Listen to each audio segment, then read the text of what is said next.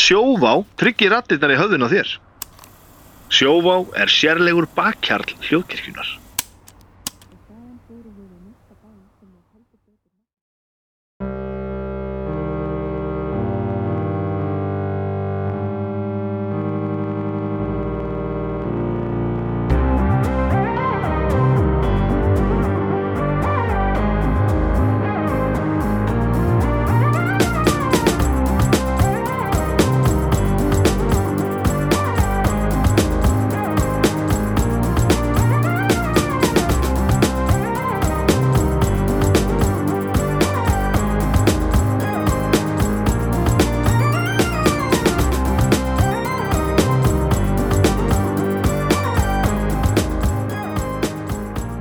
Komið sæl ágættu hlustundur og verið velkomin í drauga fortíðar. Já, númer hvað ætli þessi þáttur sé, Baldur? Uh, herðu, það er bara frábær spurning, ég er bara komist að því. Ef það er ekki of mikið vesen, bara óvert ekki að hafa fyrir mér. Ekki að vera að ómaka þig. Els- Þáttur nummer 169. Þáttu nummer 169. En svo er ykkur aukaþættir og svona. sem- 50 auka þettir, örð þettir Já, já, já, ok. uh, og, já, og auka þettinir. Ég man ekki hvort að þeir eru í númeri röðin eða hvað. Jú, það getur verið, um, Þeir eru ekki inn í þessari tölu. ég man það ekki. Ekki allir örð þettinir, sko. Nei, þetta er ágætist magn. Og eru ekki live, dóti, ég man ekki hvernig ég flokkaði þetta. Já, já, þetta er helvítið sellingur, sko. Hvað ætli þetta sé orðið mikið allt í allt? Í Bara í- mínútum. Já. Ég, ég ætla ekki að komast að Nei, því nei, núna. nei, nei. Það er- það er aldrei... Það er Þetta aldrei er, þessum. þetta er, uh, þetta er alveg lungað úr deginum. Já, allir það ekki Þetta er, Em, uh, já.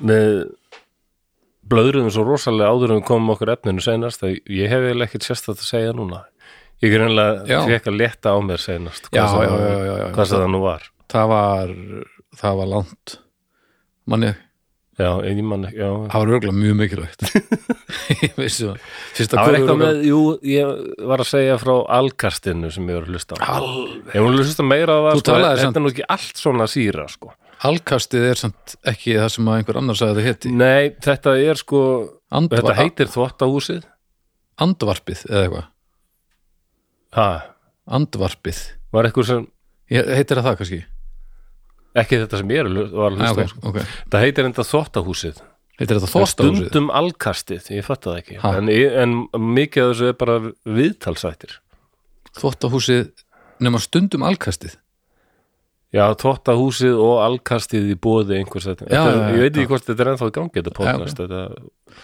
Ok. Ég hlusta á viðtal við Efu Hauksdóttur til dæmis sem var bara mjög skemmtilegt sko. Já. Hún talaði mikið um hann þarna Hauk Hilmarsson són sinn sem bara þess með kurdum og fórst þar í Já, stríði sko. Það- akkurat Það var gaman að hlusta á hana sko. já, og hvort sem maður er ekki alltaf sammálan þá finnst mér oft gaman að lesa það Já. sem hún skrifar hún svona það var náttúrulega. Já, ég hef aldrei gaman á að lesa svona það sem samfélagsrýnar skrifa þótt ég sé ekki alltaf sammála þeim. já já, ég meina það er það sem að þetta áastumvust um það, Já, það ekki. fólk fái mismöndi sjónarhóttn á Já. á það sem er í gangi það er maður haldið Þetta er lúsus sem við líðræði, að geta bara sagt hvað manni finnst. já, það er uh, ennþá allavega Já, en þá er það ekkert lengur líðræði fyrst mér. en þegar Það við, búið komumst, að- þegar við komumst til valda blósi, Já, þá má ekki segja neitt nú er það ekki.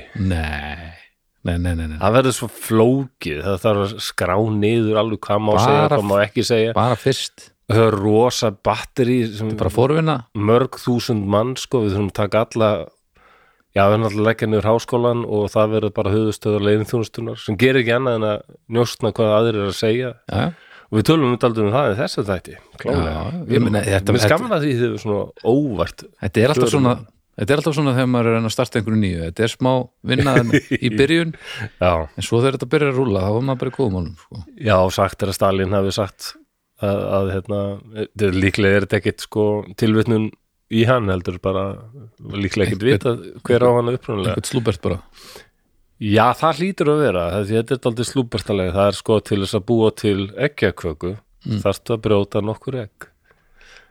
á, á Stalin hafa sagt þetta Já, ein, þetta er alltaf einhver svona einræðisherra sko, sem gefur sko að til þess að búa til eitthvað fallett, þá þarf líka að hreinsast aldrei út sko. já, já. sem svo þannig er bara að segja sko, til þess að fá fyrirmyndar samfélagið Heldur það að- þurfi náttúrulega að drepa nokkur þúsund manns En svona, við, en b- er ekki hægt er, er ekki hægt að búi til eggjaköku á þess að brjóta egg? Er þetta ekki bara, ef maður notar einhver svona þunna nálar, það tekur vissulega lengri tíma, ég segi það ekki, en það lítur að vera hægt, ég meina það er hægt að ná innihaldi eggs úr því á þess að brjóta skurðina. já, fólki finnst það kannski verið eitthvað tilgangslust Já, en ég meina, en, þú veist, en það er hægt það er vissu, það, ég- mér finnst alltaf góð ást að, að þú veist, að, að að lífa skurninni Nei, að allavega, hvað, ef einhver, einhver hérna, innræðisherra og sagt eitthvað, Já. að afsanna það. Það Já, er ágætis- það er já, ágætið já, segla að- að- já, að já, rekka ofan í innræðisherra, það er hérna, það er ágætið svona, já, þú hittir nú veikan blett hjá mér hérna með þessari spurningu sko. ok, Já, því ég hef aldrei á æðinni búið til eggjaköku hefur aldrei búið til eggjaköku, nei, ég bara þórið því ekki Baldur ég, ok, akkur, ég, æ, ég bara það væri gaman að geta það en ég bara held að það myndi mistakast sko. Ekki- svo já. rapalega nei, ertu eins og ég með þetta? Ég, ég var alltaf, eins og ég var kannski meira, núna, er mér, já, ég var svo stressaður alltaf í kringum eldamennsku, sko, ok, en ég, var, en ég gerði samt alveg hluti, sko, eldunarkvíði Já, af því ég hugsaði alltaf að allir myndu deyja af rungri þegar að mér mistókst en svo, já, en, ok, en svo einhvern komst maður náttúrulega að því bara það var ólíklegt sko já ég meina, þetta er og svo það er þetta, þetta getur verið gaman ef maður svona er aðeins komin með, ég er náttúrulega er uh, gjörsamlega umkringdur frábærum kokkum í mínu lífi þannig að Já. það er svona, ég hef kynst því persónulega, það er minni kvati sko þú lígur ekki þar nei, nei, nei, nei, þetta er ekkit bara, eðlilegt ekkit eðlilegt stóð sko bara eh, kona sem stendur þeirri hliði sko, hún er æðislega kona Já, og öll svo fjölskylda og, Já. og svo er a- a- a- Arnar býr upp á skaga og það er hann alltaf bara allt bara löðrandi í Arnar, já, já, það er allt bara löðrandi í snild Já. alltaf það, en sko fyrst var það ægilega stressandi fyrir mig að ætla að fara þá að elda en nú er það orðið kvati sko. ok, að ég þarf að leggja úst, ég þarf nú að gera einhvern þarf ég ekki að gera eitthvað líka þetta er eins og með hljóðfæri örugglega, þú verður bara betri og betri já, já, nema að miklu, ö- miklu öðuldar að spila hljóðfæra ég er alveg sammála því miklu Miklu. öðuldara en það er svona að það þarf kjark og natni En það er miklu auðvöldar fyrir þá, þá sem að leikur, úst, þeir sem uh, það er miklu auðvöldar fyrir að suma að elda það er miklu auðvöldar fyrir mig að spila hljóðfæri já, miklu auðvöldar það er alveg sama hér ef ég geti elda upp vel og ég get aðlagast nýju hljóðfæri þá væri ég frábær kokkur ég Já. væri kannski ekkit í landsliðinu en það væri gott að borða já, já, já, eh, ertu, já, Ég veit svona er út já ég er að hugsa um hvort ég ætti að finna eitthvað meira til að segja en það er ekkert Nei, nei. aðkallandi Við- við- og líka ekki nema opnum- ég sá upptökur af ACDC bandinu á Akureyri, ég var hálf slappur já, en ég hef sjaldan spilað ég hef sett á bassan held ég já, ég tók eftir, ég veit ég gerði tve- tvenn mistök nú, ég, og þau Hvað? voru mjög mænor já nú Það er byrju- óþolandi ó, var þetta hljómagrín eða var þetta Nei, já, en ekki viljandi með some mistakes but they were minor, Já. not major já, Herru, þetta er rosalega pappagrín Já, ég held að þú værir, ég Nei, nei, það var bara Vá, þá er þetta komið alveg í merginu þess Já, já. þegar þegar þetta farið að gerast Bara til. náttúrulega Mm. það var svona alveg segjöndu brot þá var ég aðeins og seinn á, og kemur svona smá, en það er, ó, bassin er svo Þú, Ég ætla að fara að segja, þú getur aldrei verið of hann sett er ofsalega unforgiving En þú eða getur svona- aldrei verið of sett of aftalega í bítinu Ég held ég að allaði í sé rann eitthvað til og kom svo aðeins í B áður en fyrir sig Já, Mm. já, já, já, og það er nóg til þess að bassin refsa þeir bara já, já. Ég held að þú verið bara of aftalega í bítinu sko. Það er ekki hægt í SCT séla Nei, það, það er líka eitt þegar maður er að spila sem bassalagri hvað maður er sko, verður fixeraður á sko, ég má ekki spila hraðar en trómar, ekki hægar þetta verður að líka, Já, já, þess já. vegna eru bassalegar svona, virka svona introvert á sviði oft, þeir eru bara alveg í grúfinu og sko er að berjast við að vera bara þeir vilja ná algjörir fullkomnun í tímasetningu sko. Já, sem er sem er óþórið sko. Já, en Fullkomin í fólk tónlist er fattar þetta ekki Nei, nei, en ég meina ef að bassalegkar er of framalega með trómara Já, þá er grunnurinn undur yfirlega, a- já, nákvæmlega þú veist, þetta, það er bara Já, nema að sé partur af fílingnum en, en eins og í þessu það, það alveg steingeldir allt sko Það er það er samt hægt að skemma þetta dóldið þetta, þetta er flóknar en maður heldur ACDC, það er svo skrítið já ja, og það er mikil handafina hjá okkur Halli sko, trommur og bassi já, Menna, ég fekk smá bara verk í hendina því að ég held ég gerði þetta aldrei eins og Cliff Williams í ACDC spila sko, að lemja alltaf niður du, du, du, Já, du, já. og ég fekk bara smá ertu að fá sinnskeiða bólgu? nei, nei, nei, þá skipti ég bara yfir í upp og niður, upp og niður Úf já, já, en þetta já, ég sá ykkur hérna í bænum, þetta er ekki eða gaman sko. nei, þetta, þetta er rosalega kemtilega og grænaða var alveg rosastuð sko. já ég, ég er mitt að fara á morgun nei, jú, Þú morgun. ert að fara, já, Já, er það ljótu hálfutandi núna? Nei, það Skelm, Skemlord, skjálmúld Skemlord skjál, að, sk- stálend Já, nei, það var einhver pólveri Það þegar að fólk er að hlusta Gat á- ekki sagt Skelmuld, sagt það Skemlord skjálmúld, Já, ég mann það er ekki eitthvað betra sérstaklega fyrir það alþjóðlega var markaði, sko. Skemlord en eh, já, þið sem eru að hlusta núna uh, það verður síðustölgi þannig að vonandi gekk þetta vel hjá okkur Já, það er, já, það er Við erum að taka upp- Við erum langt í framtíðinni, fortíðinni Mm. hitt, já, Já, já, já já, já. Þannig að Her- þegar eigum við þessi þáttu kemur þá ertu búin að vera akkurir að töfrar ein, einhvers Skálmöld á græna hattinu, það lítur að vera alveg svakalett þrýr gítarar, bassi, hljómbar trommur, fullta söngum Mhm. já, söngurum, hvað eru margir mikrofónastandar á sviðinu? eh, sex, þú veist, já, sex við syngjum allir sko Og þráin lí- já, já, já, Já, já. Jón maður Já, all, vá, all, og allir með, það voru mikið af svoleiðis þetta er og Komist þið- allir en strákar þið komist alveg fyrir já, það fyrir eftir í Já, það er aldrei þarf að jú, svona fyrir jól en, Já. en janúar verður erfiðari já, já, já, já þið komist fyrir Já, já, en þú veist, Já, og þetta er sama svið og við spilum í hálfvetarnir Já, já, það er Skálmöld er náttúrulega bara- greifindi líka skálmöldu bara tveir þriðju hálfveturum sko. Já, já, reyndar, þannig að- reyndar þannig að þú veist, þetta er lett Já, skálmöldu bara, þú veist, skálmöldu er einn og hálfu bílarnir, sko já, en svona er meira svona power og læti Já, já, Ég mynda vissulega. mér svo oft háaði já en, en hálfvetur fylgja þúsund hljóðfæri Já, já, sem er, sem er aldrei nóttuðinu sér, nei, nei, þau eru bara hana til öryggis, flautur og ásláttur og svona dót Já, mest nótarendar já, já, Herði, ég var að fara að byrja þetta litur já svo það byrja þetta um, Já, bara ágætu hlustendur setið ykkur í stellingar, nú er komið að því að særa fram drauga fortíðar Drauga fortíðar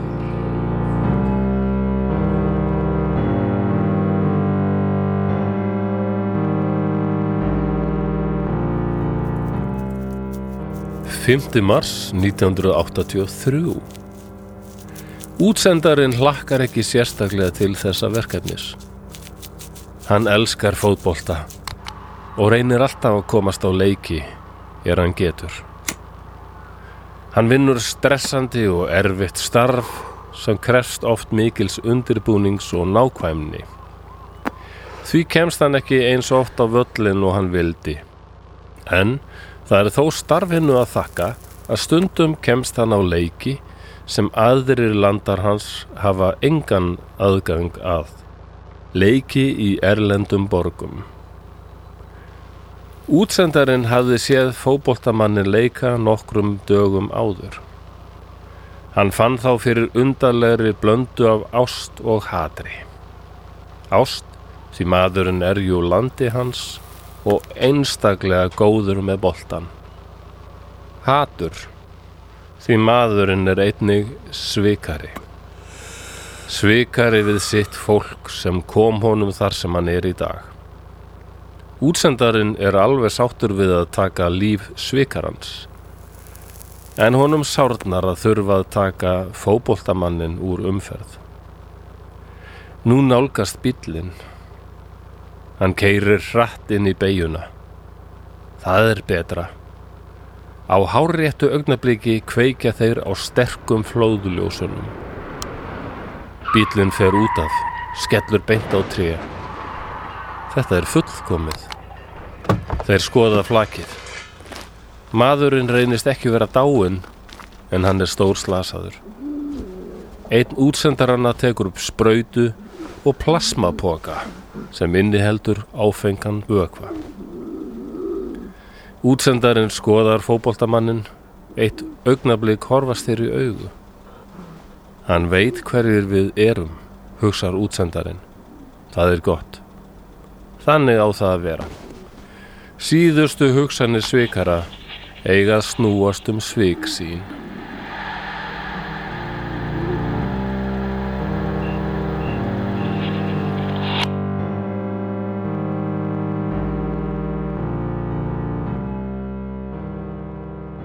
Og lesturinnum er lokið. Ú, Mm, já, Í hvaða land erum við? uh, sagður það eða? Nei. 5. mars 1983. 83 Ég veit það ekki uh, Er þetta Európa? Já, Uh, er þetta 83 sagður? já.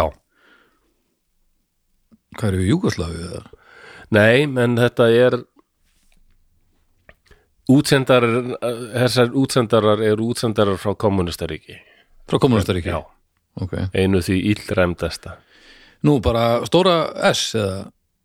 Já, Já, þetta eru, þannig að þetta eru stasi menn Ok, en þeir eru semst í vestur Þýskalandi þeir eru í vestu Þýskalandi vin, Aha. þeir eru í vinnunni Þeir eru, já, Þeir eru hort á þetta þættir þeir eru í vinn Já, já þeir eru það. Langur dagur á Já, skrifstofunum þar Þeir Það er hérna- komið eitthvað svona frá Þetta þetta ef var- þeir hefur með eh, svona, samskipta meðlana skrifstofa dagsins eitthvað svona bílflag einhverstaðar.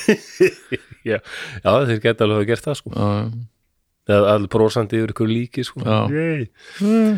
hefur hort á þættina Cleo sem eru held ég á Netflix um stelpu sem er hérna, unga konu sem er hérna, launmorðingi fyrir Stasi Nei. og er síðan fangelsuð og sett í fangelsi í Östu Þískalandi og er síðan eiginlega á styrlaðri hendarferð eftir það komast að því hverju svikana og af hverju já, ok og, þetta er þýst, ok, já, ósalega vel gert og merkilega sko létt yfir þessu já, bara svona eins og það gæti verið svo þungt og, og grátt og kalt já, sem Þeir er eru- venjan sko en nei, þeir fara leiðina að hafa þetta daldið, þetta er oft mjög fyndið hvað er alveg bara eitthvað, þegar einhver dettur bara eitthvað en, en það er nánast, Já, en veist. það er alveg samt sko morð og, og sko, en þeir bara ákveða þannig að þetta er alveg hún er að snildar hlaupa og reyna að komast að þig hey, hver sveik mig, og svo dettur hún eitthvað svona ekki alveg ekki alveg en, en mjög, mjög svona já, komur þetta aldrei óvart hvað þetta er bara da, da, da, da, da, da, da, da. já, ok, Já, Da, da, da, da, margar da, da, fyndnar da. týpur hérna ok, Já, já, við mælum með þessu sko. já og þið ná ekkert neginn þessum gamla feeling Östu Samt. Þískaland, rosalega vel já, samt náðu það svona Já, já, og svo er það náttúrulega að gerast sko um, þetta fellur 89 þannig hún er hérna í byrjun sko tíund áratöksins, tugurins já, og veit vinnurinn hérna sem kyn, hún kynnist vestu þjóðveri flesti vestu þjóðveri hérna eru voðalegi lúðar já, já, allir svölugur eða östu þjóðveri já, ok, ok og einna, hún, hún kynnist að til dæmis ein- einum gauður sko, sem verður góðu vinnur hennar sem er svona tekno, svona berlínar teknogauður, sko. Ah, svona undir brú alltaf að taka sveppi og Já, já, já, gamla góða sveppatriffið frábær típa, já, svona- svona tekno og, og, og reyfið og allt það er að verða til Já, eða komast í, já, já, búmf, búmf, búmf já Þegar að, þegar að uh, svona, allt er að breytast í vél já, Nefna að það er náttúrulega alls ekki að gera það. remmaskítarinn er döði remmaskítarsins ég man að maður sá alveg greinar þá sko 90, já, með mér sé 80 og eitthvað sko Já, Death of the Electric Guitar já, já, en ég meina hann kom og, og, og stjórnaði öllu og, og lagði allt undir sig í marg áratugi en nú er hann dáinn Artaki hans er synthesizerin Yeah. þetta var alveg sagt bara 83 eða eitthvað Já, já, en, en gítarinn er svo sem ekki aðaldrifkraftur svona þess sem er mest ábyrjandi í dag en, Nei. en hann, hann er alltaf með samt já, já, Þú veist, synthesizerinn er, er stærri já, þú veist, hvort sem við viljum það eða ekki, þá held ég að sé það þannig og synthesizer bæða við er náttúrulega stórkostlegur, já, já, já ótrúlegt dæmi, sko. alveg Robert ég hef aldrei hætt mér í þetta analóg dæmi en að því ég bara maður, það er bara eins og golf og hestamennska og það sko, þú bara hverfur í eitthvað hildýpi og, og, og Já, sér já, að já. maður hittir viðkomandi aldrei aftur sko. að taka upp svona analóg nema að hestamennska getur búið til pening fyrir þig en, en synthesizerin, hann getur peningin Nú erum margir að hlusta kannski sem veit ekki hver er munurinn á analóg og Já. anstæða þess er digital myndi Já, ég segja. digital er, er þá stafræn uh, endurgerð af gömlu synthesizerinum sem uh, það var ekkert uh, hva, hvernig útskýrum maður, það? ekkert stafrænt engir svona uh, stafrænir gerðlar sem að, að búa til hljóðið heldur er þetta allt sem hann búið til bara í eðlisfræðinni, bara í hlutum innan í, í hljóðfæri Já, bara með eh, einhverjum vapningum og, og, og bylgjum og hvernig er hægt að stilla það og, Já. og, og það allt saman e, á meðan e, stafiranni leggurinn og þessi plöggin sem að fólk er að nota núna það er e, tölvu forriturinn sem er bara að herma eftir upprunalegu uh, já, já, já, synthesizerunum akkurat Þessi gömlu synthesæsarnir þeir eru bara smíð synthesæsarnir, hvað er hljómborðin? uh, Vist þetta er samt skemmtild orðið, synthesæsa já, Synthesæsir sundu þeysir Æ, það var eitthvað djók orð sem var til Það er hálflilegt já, Karlar en bæði sundu þeysir Synthesæsir er það, það er hann bara eins og þarna jólasveitin sem var köttaður hvað heit hann, hvað heit hann aftur hérna, faldafikir Já, Já. einmitt Falda feikir já, um, já, þessi gömlu sko, Juno 6 og svona, ég mann eftir þeim sko, þeir voru merkilega svona lífandi oft, miðað við Já. það sem að setna kom, sko. nei, útskýning mín hérna á analógu stafrun og ann og er einhverjir einhver sem uh, lifa og hrærast í þessu náttúrulega hrist á sér hausinn Já, en þú var- varst það ekki útskýra fyrir þeim nei, nei, nei, rétt þú var- varst það útskýra fyrir þeim sem bara Já. heyra þessi orðstundum, já, veit ekkit hvað er verið að tala um já, analóg þá sér maður fyrir sér sko fólka sem vill ennþá taka upp eins og var gert kannski 80 sko, með, Já, með eins og- hérna, já, svona eins og- tveimur svona já segulböndum sem takk upp á snúast teip Já. einmitt bara ítir á, á, á rekord og tekur upp á teip bara eins og uh, gestar í ganlanda eða hvort maður tekur upp inn í tölvu Já, lætur eitthvað forrit koma með öll og, hljóðin. og þar er eh, miklu meira hægt að gera eftir á innan gæsa lappa sko laga eða, eða breyta en oft hefur þetta gamla dót sem við erum hlust á þennan óbóðslega sjarma Já, af já. því að svigrúmið fyrir mistök var svo lítið Já. að fólk varði einfallega að standa sér vel En nú er það orðið þannig, er það ekki, að það er svo auðvelt fyrir hérna, ef þú vilt bara herma eftir samdunum þess og var 69. já, Það er auðvelt bara með forrit í tölvunni, að láta bassan, báða gítarana, trommutnar jætvel, allt hljóma bara svo sé verið að taka þetta upp árið 1969. e, Kannski ekki auðvelt. ekki það er- auðvelt en það er hægt, Já, en sko það er alltaf einhverjir sem tellir sig geta heyrt munin sko þú veist svona gítarmagnara hermar og svona Já, Ég held að núna séu við, jú, rándýrar græjur hafa komið stansi nærðið að hljóma nákvæmlega eins, en núna erum við að detta í bara þokkalar budget græjur og, já, og atvinnum fólk er svona á mörkunum að heyra lengur munin á, á alvöru gömlum analógmógnunum og, og hermum, sko.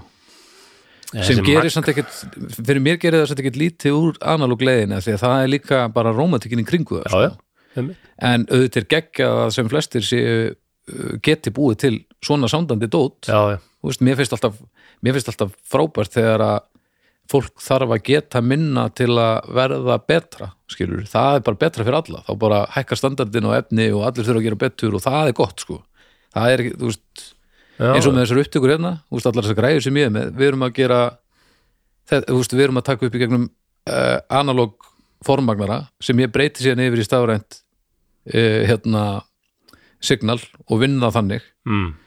eh, en eftir áriða tvö þá var bara gerfigreind farin að búa til nákvæmlega þetta sound Já, bara á einhver upptöku sem þú tekur upp á raskat til þau og það er frábært Eh, ég mun örgulega að halda áfram að gera þetta svona þegar mér veist þetta næs sko, að kveikja á kveikja á græjunum og fe- úst, allt þetta, mér veist þetta skemmtilegir mækar, skemmtileg, allt þetta en auðvitað væri ég til í að eitthvað batn í næsta húsi geti gert nákvæmlega þetta sound á sitt út af því að þá verður bara menningin sterkari Já, Þú veist, já, það var- heldur að það er voðalegt því ákvæður Ég er vissum að margir hu- hugsa meira, miklu neikvæðar um þetta Já, þá líka bara treystur því ekki að þú sért góður í að búa til hráefni eða eitthvað skilur af því þá stendur þú fellur, þá stendur þú ekki og fellur með sondi, þá stendur þú og fellur með hvað þú ert að gera og það er bara a- a- annað og ég er ekki að fara Já, með það að ætla að láta að vilja að aðrir sondi verri eða geri lélera efni svo að ég líti betur út er enga veginn leiðin ég myndi frekar horfa að hanga og bara djúvill er þetta vel gert, nú þarf ég aðeins að hérna steppa upp með Já, þeim og nú já. þarf ég að vera að drutast til að gera hluti aðeins betur sko. En eins og með til dæmis þetta AI sem er komið, gerugreitin, já, maður heyrir sem að segja sko, já nú þarfst ekki lengur sko að vera góður teiknari, góður málari að bara tölvan gerir þetta allt fyrir þig Ja. bara, þú getur bara skapað Rembrandt bara einhver lúði út í bæ getur bara, sem er aldrei færið í listaskóla getur bara búið til Rembrandt og hérna, þetta er bara ónýtt og bara listin er búin þetta er dögt og nei, við drekkjum okkur í súrmjólk og grátum já, nei, nei en eins og þar sko að sálsögðu uh, ég skilu vel að fólk sé stressa hvert því mm. en mannlega törsi er það er svo langt frá því að gerfugrindi sé komið með mannlega törsi hvað kemur uppbyggingu myndar að búa til eitthvað sem að er þetta er allt sem mann byggt á einhverju sem er búið að gera sko. já, já, þannig að þetta er ekki að gera neitt nýtt nei, nei og eh, þú veist, fólk sem að sér ekki munin á þú veist, í 99% tilvika þá sérðu hvað er já, já, ger, búið til með gerfugreind eða ekki já, og þetta eina prósent er í raunin að verða bara listform uh, bara sitt eigið listform Já. sem er að- að að búa til listaverk með gerfugreind já. mér finnst þetta mjög skemmtileg já, það, það getur verið mjög áhugavert en, það, en ef þú ætlar að búa til eitthvað, úst, þá ennþá ekki róði mannlega þáttin hjá málunum og teiknunum en að- að þessi fjandars vókismin er komin líka inn í hérna Æ, ég menn, ok, ekki vók rýtskoðin er komin inn í afsaki, rýtskoðin er komin inn í já, en svo banna banna Hitler, sko, hvað átt að standa lengi Guðurinn er búin að vera hann er búin að döðu daldið lengi, sko, hvað, hvað verður þetta eiginlega lengi bannað, að, ég meina, ég, ég er reyndar að setja inn í Bannað, hvað meinarðu? AI, ég er reyndar að setja inn í já, eigandaginn menn það Það sem ég vildi fá senu á kaffihúsi þar sem hérna Adolf Hitler og Nietzsche voru að slást já, inn á kaffihúsi ok, já, sem var Já, og verið það, næs. ég fekk bara sögur sko að að þú getur ekki notað Adolf Hitler nei, það er og ég þetta- brálaður já, ég held að uh, því miður erst þú fórnalamb þess að það þarf að stoppa aðra Já, já Já, og, og uh, já, það er þetta misnota þetta heilmikið sko. þá getur notað þetta til þess að láta rosalega, rosalega, rosalega mörgum líða hörmulega og það er Já. ekkert mál og Já, þarna það, er líka er bara- ennþá, það er ennþá fólk á lífi sko, og það er líka að afkomendur fólk bara þannig er líka bara kompanía að verja sig gegn mögulegu Já. ofbóðslegu vesinni og málaferlum og pub- publicity og það allt saman Já, já Þetta, já, já Þú eru bara, að, af hverju ferði ekki bara að læra að teikna Gera þetta bara sjálfur að því að allt sem ég snerti verður að illa líktandi í riði Ok Ég átti ekki búin að þessu Ok, Það er ég menn, það getur verið þinn stíl Nei, nei, ég, mér hefur langað að fara á málingar námskeið á málingar námskeið Já, málverka Ah. eh, Uh, Heyrðu bara í bíku og sjáðu hvort það Það er talað, sko, ég kem úr fjölskyldu þar sem er mun meira um myndlistafólk heldur en tónlistafólk sko. Já, Mér, Ég hef alveg alist mikið upp við myndlist já, Það var að farið að draga mig á kjærvalstaði þegar ég var bara já, bara þróið í mann eftir mér, sko ok og ég draga mig ég, ég er alltaf gaman, sko ég elska að vera listasöfn með þannig að þetta Já, næs Já, já, ég meina, þetta er ekki bara hendar í þetta og stundum bara finnst mér myndlist hún einhvern veginn hefur áhrif á mann á þann máta sem engin önnur list einhvern veginn getur sko. Mér finnst tónlist alveg rosalega myndlist er alveg stundum maður getur alveg bara orðin dáleitur af hvernig alveg ekki Já, og eða þú fórum og hefur í Oslo síðasta sumar og, og ég drást, dróst strákan og við vorum á metalfestivali og var alveg að hlusta black metal og ég sagði sko, það er, við verðum að fara á munksatnið já, akkurat hann er náttúrulega fyrsti black metal gaurin sko. Mhm. fyrsti norski black metal gaurin Já, við minnum á, á munkþáttin sem við gerðum já, eh, sem, sem örþátt jú, minnum jú, við, það var vitleisa sko. inn á Patreon hann er náttúrulega tveir og hálfu tíma já, já, það, að, þetta átti bara hann átti skilja Já, þessi þetta- negin þátt sko. frábæra þáttur og ég, ég vissi eða ekki hvað ég vissi mikið um hann sko. Það- Nei, nei. hann er alltaf verið í miklu uppáldi Já. og það er náttúrulega þeir, þeir s- s- skinnuðu þetta strákanir sko, sem Já. ég tróð með mér, það þrýr vinnum mínir sem þekktu munga ekki neitt, sko, þekktu bara ópið Já, En þeir skinnuðu alveg að horfa á okkur 120 ára gamalt verk eða eitthvað og, og finna einhvern veginn angistin og kraftin í já, þessum litum sem eru búin að vera á þessu lér eftir þarna í yfir öld og samt eh, nær þetta tíðin, það er Já, magna nákvæmlega. En kannski við ættum að halda áfram með Við komumst illa stutt inn í þáttinn núna áður en við herðu já, gerum okkur Við vorum búin að fá það staðfest að við erum í vestu Þýskalandi Já. Þetta er útsendarar Stasi eða Statensík eða, minni- já, Statensíkahætt Darn, síkun En hæ Ministerium for Statensíkahætt Já. sem þarna já, þjó- ríkis, öryggis rá, ráðuneytið Já, sem er alltaf Já. bara einn ítlæmdasta og, og besta leini öryggistjónusta sögunar, myndi ég segja já, um, maðurinn sem umræðir sem var í þessu bílflaki mhm hétt Lutz Eigendorf þessi þáttur við ætlum eiginlega að skoða alltaf, þetta var mikið um fótbolta Já, en náttúrulega nálgast alltaf hlutina öðruvísi en vanalega náttúrulega að skoða sko við heyrum oft þetta sko eins og núna akkurat núna mhm er, eru breyðablika að fara að keppa við Maccabi Tel Aviv já, og það er strax mikla raumræður um þetta því Ísrael eru ekki á topplistanum hjá mörgum í dag ekkert sérstaklega Nei, hann er það eru sko og vinuminn til þeim sem er alveg gallharður bliki Mhm. hann, hann allar ekki að mæta völlin sko. Hvenær á leikurinn að vera? Eh, hann var, ég held að hann sé núna erum við að tala á fimmtudegi, ég held að hann hefur verið færður á sunnudag Já, hann, hann, er, hann er liðin þegar að þessi þáttu fyrirlótt Já. já hann, hann ætti að vera liðin, já, Ég held að hérna, uh, það sé bara að vera efnum til mótmála og, já, já, það verður öruglega já, að ég vona það Já, já, en, en það er alltaf og og maður sér sko marga segja sko við, það var ekki að blanda pólitík og íþróttum saman og ég var að við ég hef aldrei skilið þessa setningu Æ, bara að þú lítur á söguna Já, og við ætlum að fara aðeins í það hérna, hérna hvað pólitík og íþróttir hafa oft blandast og bara, og list líka ekki að blanda saman list og pólitík það hvaða bull er þetta? er ekki að blanda saman Listamenn alltaf verið óbúslega þá ekki að blanda saman Eurovision og pólitík já, en við það líka Lönd er að kjósa önnur lönd já, í því Það er A, ekki- en við getum ekki verið að blanda sér samt við pólitík Nei, þetta er svo Ah. út í hött að segja þetta fyrst Já, þú veist, við verðum allavega að horfast í augu við hvernig þetta er í alveg, þú veist, það, það til dæmis, það er ekki hægt að halda því fyrir utan pólitík, það er bara ekki hægt. Nei Og bara Þannig skoðum til dæmis hvað hva Eurovision verður til út af eftir setni hefsturöldina og, Mm. og talað um sko, við verum einhvern veginn að þjappa þessu alveg sama sko, eitthvað sem Já, saminningarafl sko. Já, og þá þetta- var þetta búið til þetta var búið, já, það, Já, já, þetta það er algjörlega búið til sko, sem hóphefli fyrir, Já. fyrir hóp sem, sem Já, heldur svona- betur lendir yfirildi. Já, það var talið bara að vera mjög jákvætt að, að, að frakkar myndu sjá einhverja stelpur frá Þýskalandi koma og herðu, hún er nú bara æðislega Mm. Ha, syngur á Þýskalandi samtala frábært Mm -hmm. og allar þess að þjóðir skilur Mm og ég myndi segja að það hafi virkað ég man bara Mhm. Já, eftir því sjálfur já. þegar ég var strákur og Nicole kom og söng hérna ein bisschen frieden ein bisschen dyrun og alltaf Europa bara ó, Já, já. þíska stelpa syngjum frið og hún er svo eðisleg komið Ah, tími til. já, þannig að Eurovision er frábært sko.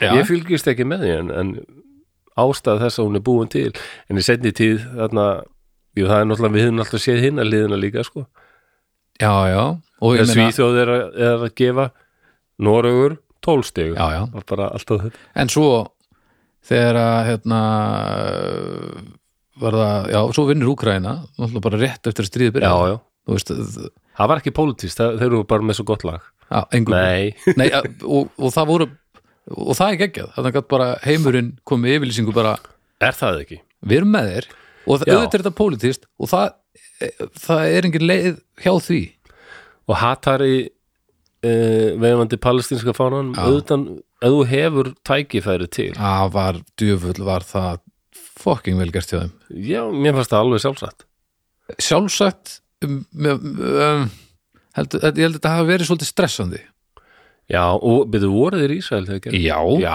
alveg rétt maður. keppnin var í Ísrael og Mér er þau voru svo búin að gott fara að yfir þeim einmitt að fara og gera eitthvað þegar það að sniðganga ég hef ekki alveg trú á því farðu frekar og láttu í þér heyra vertu með eitthvað vesen og þeir gerðu það svo sannarlega já, þetta var ekki eðlilegt múf sko heldur að það hefði verið á forsíðu allra frétta sko Íslendingar sniðganga Eurovision enginn hefði tekið eftir því þetta náttúrulega briljant þetta var, ro- þetta var ævitilega sko já, þetta var aktivismi sko já, og, og þeir veifuðu ekki fána Hamas heldur fána Palestínu já, já, já, Ah. já, þau já, Já, Og þetta þetta er- er þetta ekki tveir gaurar nei, þetta er að- og- og svo- það var alveg, alveg nei, nei, þetta var alveg stóð þarna úti, sko Herðu, já, já, alveg rétt Nú manni ég var að spila með Ísnaflögi og Ham mm Eh, þá kom allt í hennu bara fullt af stelpum minni búnisherbyggi okkar og störðu á okkur og það er hérna byrju, ef við ekki verið hér, já,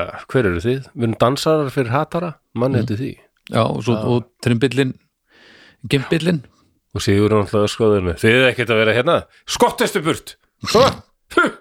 já, nei, nei, nei, nei, en þessi Sigur hún er alltaf að kunna sig eh, innan um veikara kynnið, já, já já, hérna vá, fyrirgjöðum já Eh, já, Nei, fyr- eins og ég hef sagt, ég er ansettin af Karlrembu, þú hún ert ekki, fyr- þú ert ekki beðið mig um fyrirgefningu djúsið blaður er þetta, ok Já.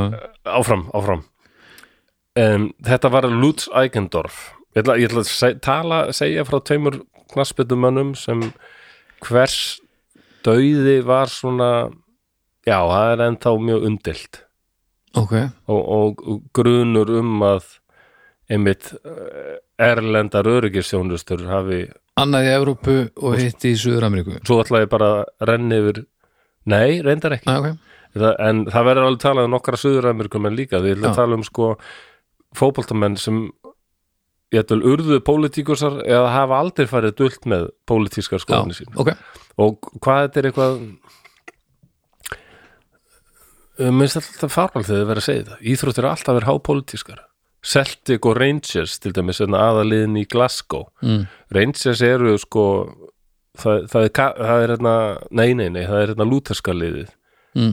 og svona lið meira svona ráðandi stéttar sko Mm. með, með, meðan Glasgow Celtic er kathólska liðið Mm.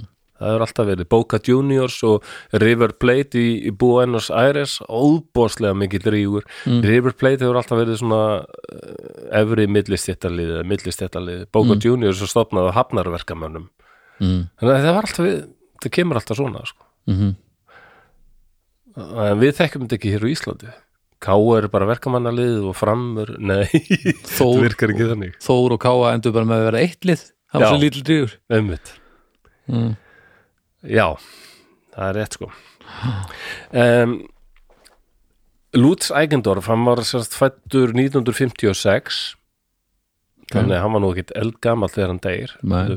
66, 76 Nei, hann var bara hvort ungur 26 ára Mm. já, var það, hvað, 83 sagður ekki Jú, Já, það var 27 ára 56, 83 Það er rétt hjá þér já, ég, Hann er bara í 27 Club Sport já, já, Hann var þjóðveri uh, Hann leik sem miðumöður uh, fættur í Brandenburg í östu Þýskalandi og byrjaði að spila fótbolta bara þegar hann var hérna 12 ára, nei, nei hann var hérna bara 8 ára eða eitthvað sko ok uh, fundu strax að hann var um, maður sér það yfirleitt mjög fljótt á krökkum sko þeir hafa hæfileg það var- það var bolt í stráknum já, já, já, já, já, og hann byrjaði að spila fótbolta árið 64 fyrir BSG Motor Sud Brandenburg já, ok, langur fáni og hann er sem sagt uh, settur í barna og unglinga íþróttaskóla já, í Berlín Mhm. árið 1970 og svo er hann kominn í unglinga akademíu BFC Dynamo sama ár, 70 og BFC Dynamo höfum við fjallaðum áður já, það er hérna þá- sá þáttur heitir held ég Stasi Football Club já, og fjallar um til dæmis BFC Dynamo sem var Stasi liðið, bara lið öryggistjónustunar mhm, og bara fekk alla bestu leikmennina Já. en við fjöllum daldið mikið um Union Berlin sem hitt Berlína, Östur Berlína liði sem varð frekar svona lið fólksins já akkurat, já, og er miklu, miklu betra lið í dag mm. þetta bestu liðum tískalans núna já, næs meðan BFC Dynamo er ennþá að burðast með þessa fortíð sína mm. eh, Agendorf var orsalega góður, það var það alveg ljóst sko, hann leik í efstu deild alveg eitthvað hundrað leiki, hann leik mörg leik fyrir, marga leiki fyrir östu þýska landsliðið ok, uh, hann skoraði hann, hann leik reyndar ekki sko marga leiki fyrir östu þýskaland aðeins sex landsliki skoraði þann þrjú mörg og hérna hann leikur síðan vinastur landsleikett Írak í februar 79 það er síðasti lands, landsliðsleikurinn hans fyrir Östu-Þýskalands Já. ástæðan er svo að hann flýr yfir til Vestur-Þýskalands Ah. þegar BFC Dynamo fer til Vestur-Þýskalands að spila vinasturleik við FC Kaiserslautern Já. í mars þetta 79 Mm þá tekst honum að sleppa Hann frá beygir. liðinu hann bara, hann stökk bara frá þeim og hendi sér inn í leigubíl og sagði bara ég heiti Lutz Eignardorf ég hræstut með maður þetta til ég fara með mig til um, já, lauruglunar eða eitthvað, ég ætla að flýja Mm. og leigubílstofan bara strax bruna að stað mm. og neða, ég held að eh, allavega endaðan hjá kæsislátin held, held, ef maður rétt að leigubílstofan bara kerðan bara til Bara völlin ég aftur bara bruna aftur til kæsarsláttun og hann bara fór til þeirra og sagði ég vil hérna, flýja Hvað er það langt frá landamærum þá? en þeir voru sko að hérna, að kæsarsláttun, ég veit það ekki alveg hvað það Ég er veit ekki hvernig það hefur nei leið en sko þetta er bara þeir voru að spila við kæsarsláttun mm. og hérna, hann stökkparinn leigubíl og er keirður til aðalskristofunar hjá kæsarsláttun Já, já okay. hann skiptur ekki alveg um hvar þeir voru kannski. Nei, nei, ég var bara að pæla hann flúðu ekki yfir landamærin neitt Nei, bara slapp frá liðinu Já, já, akkurat, ég var bara að pæla hvort að að vera í stutt í landamærin upp á svona ógn Veit frá ekki hinni alveg hvað liðinni kæsarsláttin er Ég held, nei það er í ekkert svona nálaðt landamárunum um, og hann, hann hafði strax þá hugsað sko að flýja og vildi gerna spila fyrir kæsarsláttin sem þá var mjög gott lið Já, ok og hérna, einna þetta þótti mjög vandræðalegt fyrir uh, BFC Dynamo sem var hérna, hann að stasi liðið mm. uh, undir verðavæng ríkis lörglunar og, og sko yfirmaður þeirrar hinn hinn ókvænlegi Erik Mjölke hann hérna bara stjórnaði öllu hvað var það þetta lið sko Mm. og eftir að hann flúði þá leifði Ægendorf sér líka að sko gaggrina mjög austuþýrskaland Mm. bara þetta er hræðilegt land, það er algjört ekkert persónlegt frelsi Mm. og við vorum bara að sitja og standa eins og allræðis valdið segir Mm.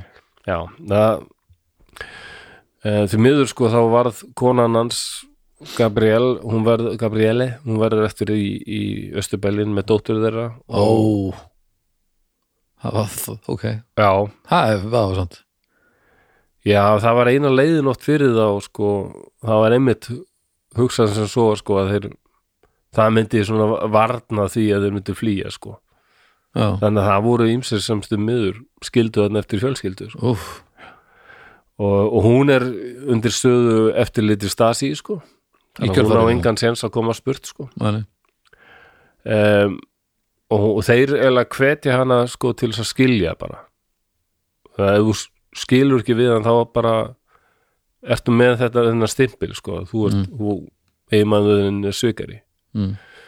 þannig að hún, jújú, jú, hún gerir það og giftist aftur að komi ljósindar setna að þetta er svo styrl komi ljósindar setna að sko náungin sem hún giftist hann var svo kallað Romeo Agent Já, hefur heyrt það? já, svona Það var sem- Rómeó útsendari Já, sem sagt, uh, hvað var maður að segja, uh, ástarflugumadur. það er- það er frábært mm. Mm, hann var útsendari ástarinnar það er Já. Eh, rétt, sko. og hann var sko það er flugumadur leigumorðingi meira eða? Nei, flugumadur. nei flugumæður getur verið það er bara njósnari, já. já, já. Það er bara svona. Já, á, þetta er, einhver sem laumar sér í raðir sko. infiltrator, það er alveg flugumæður sko. já, já, já, hann var sem sagt sko á vegum Stasi Mhm. og, og sko Rómeó útsendari sá sem er eiginlega að njóstna um eitthvað á meðan hann býr til rómatist samband við Já. viðkomandi sko. já, að kærastiðin er og það er planið. já, Já, þú átt að komast að öllu Já. því sem er hægt að komast að með því að verða sá nánasti í hennar lífi, Já, eða hans og- lífi. og þessi, þessi útsendari bæði karlar og, og konur og alltaf þjálfuð alveg í þessu hvernig þau áttu sko að, Já, að hérna, stígi í vængin og Já. hal, halda já, Já, þú ert með hérna leini þjónustu sem vingmann, þá held ég Já. að, að það er svolítið svona og eins og Stasi ekki það, náttúrulega ég, voru ég með held að heilan háskóla Stasi, Stasi hefði nú ekki verið eitthvað frábær vingmann eitthvað Nei, þetta var, þeir voru með háskóla sko, það sem þú lærðir einmitt bara eitthvað svona námskeið í romantíseringu Já, vonlænir að Já vonlænir að klasi Já, yfirherslu námskeið og þetta bara yfirherslu sálfræði var fag í já, Stasi háskólanum já, já. og Ekkert róma- brýtur niður ekkert persónleika romantískara heldur en viðkomandi. góð yfirhersla Nei, nákvæmlega, Já. þetta var svo um, ég mælu með því að og fólk sem tekur bara, til og tekur bara lampan og setur í augun á henni og segir, dast af himnum því að þú ert engill Já, eitthvað svona akkurat já, já. Ég veit ekki hvort það hefði virkað Nei, eh, bara ég, Já, enda, enda hérna eh, enda hérna er þetta ekki þeirra sterkasta lið Stasi þetta er ekki Stasi ástarinnar sko Nei, það sé ásturinn Ég mælu með því að fólk er í Berlín að taka bara sporvagnin eh, yfir til Sjönhausen eh, fangelsisinn sem er núna sapp Mm. Það er alveg magnað að koma þangað og ekki síst sko að lá- að fara í það ég held að sér nú bara hægt að fá sko ferðir um satnið með hérna leysjómanni, það er alveg nöðsynlegt Já. þá lærir maður svo mikið um þetta hvað Mhm. þetta var, hvað er og sjá líka yfirheyslu stofurnar sko, Mm. það sem allt er á ská skrifbórið er á ská það er Já, allt einhvern veginn ónótalegt já, þannig að þegar þú er búin að það er búin að neita þér um svefn sko Já, og hann gerði það líka, hann- ég hef sagt frá þessu áður held ég sko, að hann var að tala og segja já, hérna var fólk sem satt og svo sparkaði hann allt í hennu hurðina, svo glumdi í öllu og öskraði eitthvað á því sko Mhm. að þetta gerðu þér alltaf um nóttina sko, þeir vissu að við vorum kannski búin að sofa í hálftíma eða eitthvað. já, náðum aftur rétt ná sko, það var alltaf kveikt á ljósi sko, já, já. bara "Ah!" þannig að þú náðir eiginlega aldrei nefnir svefni og bara vissir allar munin á draum og raunur líka sko. Já, það er og þú var hann að hlakka til þess að vera yfirhjörður það var í fyrsta skipti sem þú bara hittir ykkur mannesku, gæst talaði ykkur mannesku já, og það var alltaf ská, þannig að þú var bara til að auka á ringulriðina sko.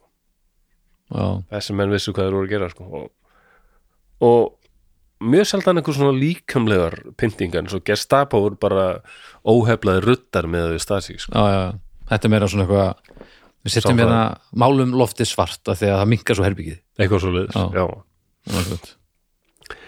E, og svo 83 þá flytur hann hefbyrðu, hvað sagði, ég? þetta var 79 Já, það er ekki sem hann flýr, já 83 þá fer hann frá Kæsinsláten og gengur til liðs við Eintrakt Bransvæk og, og það er alveg við vitum það að Stasi fylgdist með honum Já, alltaf, en þeir fylgdust þetta mjög með mjög mörgum sko. Mm.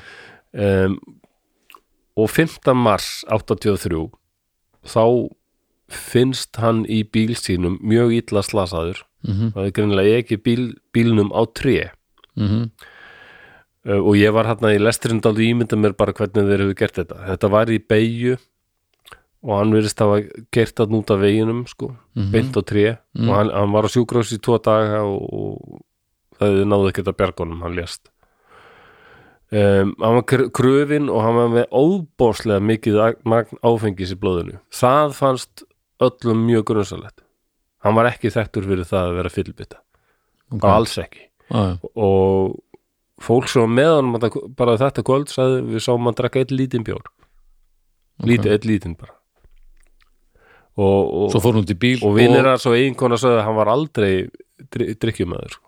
og- hann tók íþróttunum mjög alvarlega og, Já, það fer illa en hann var með sko langt yfir því sem var leifulegt Já, já.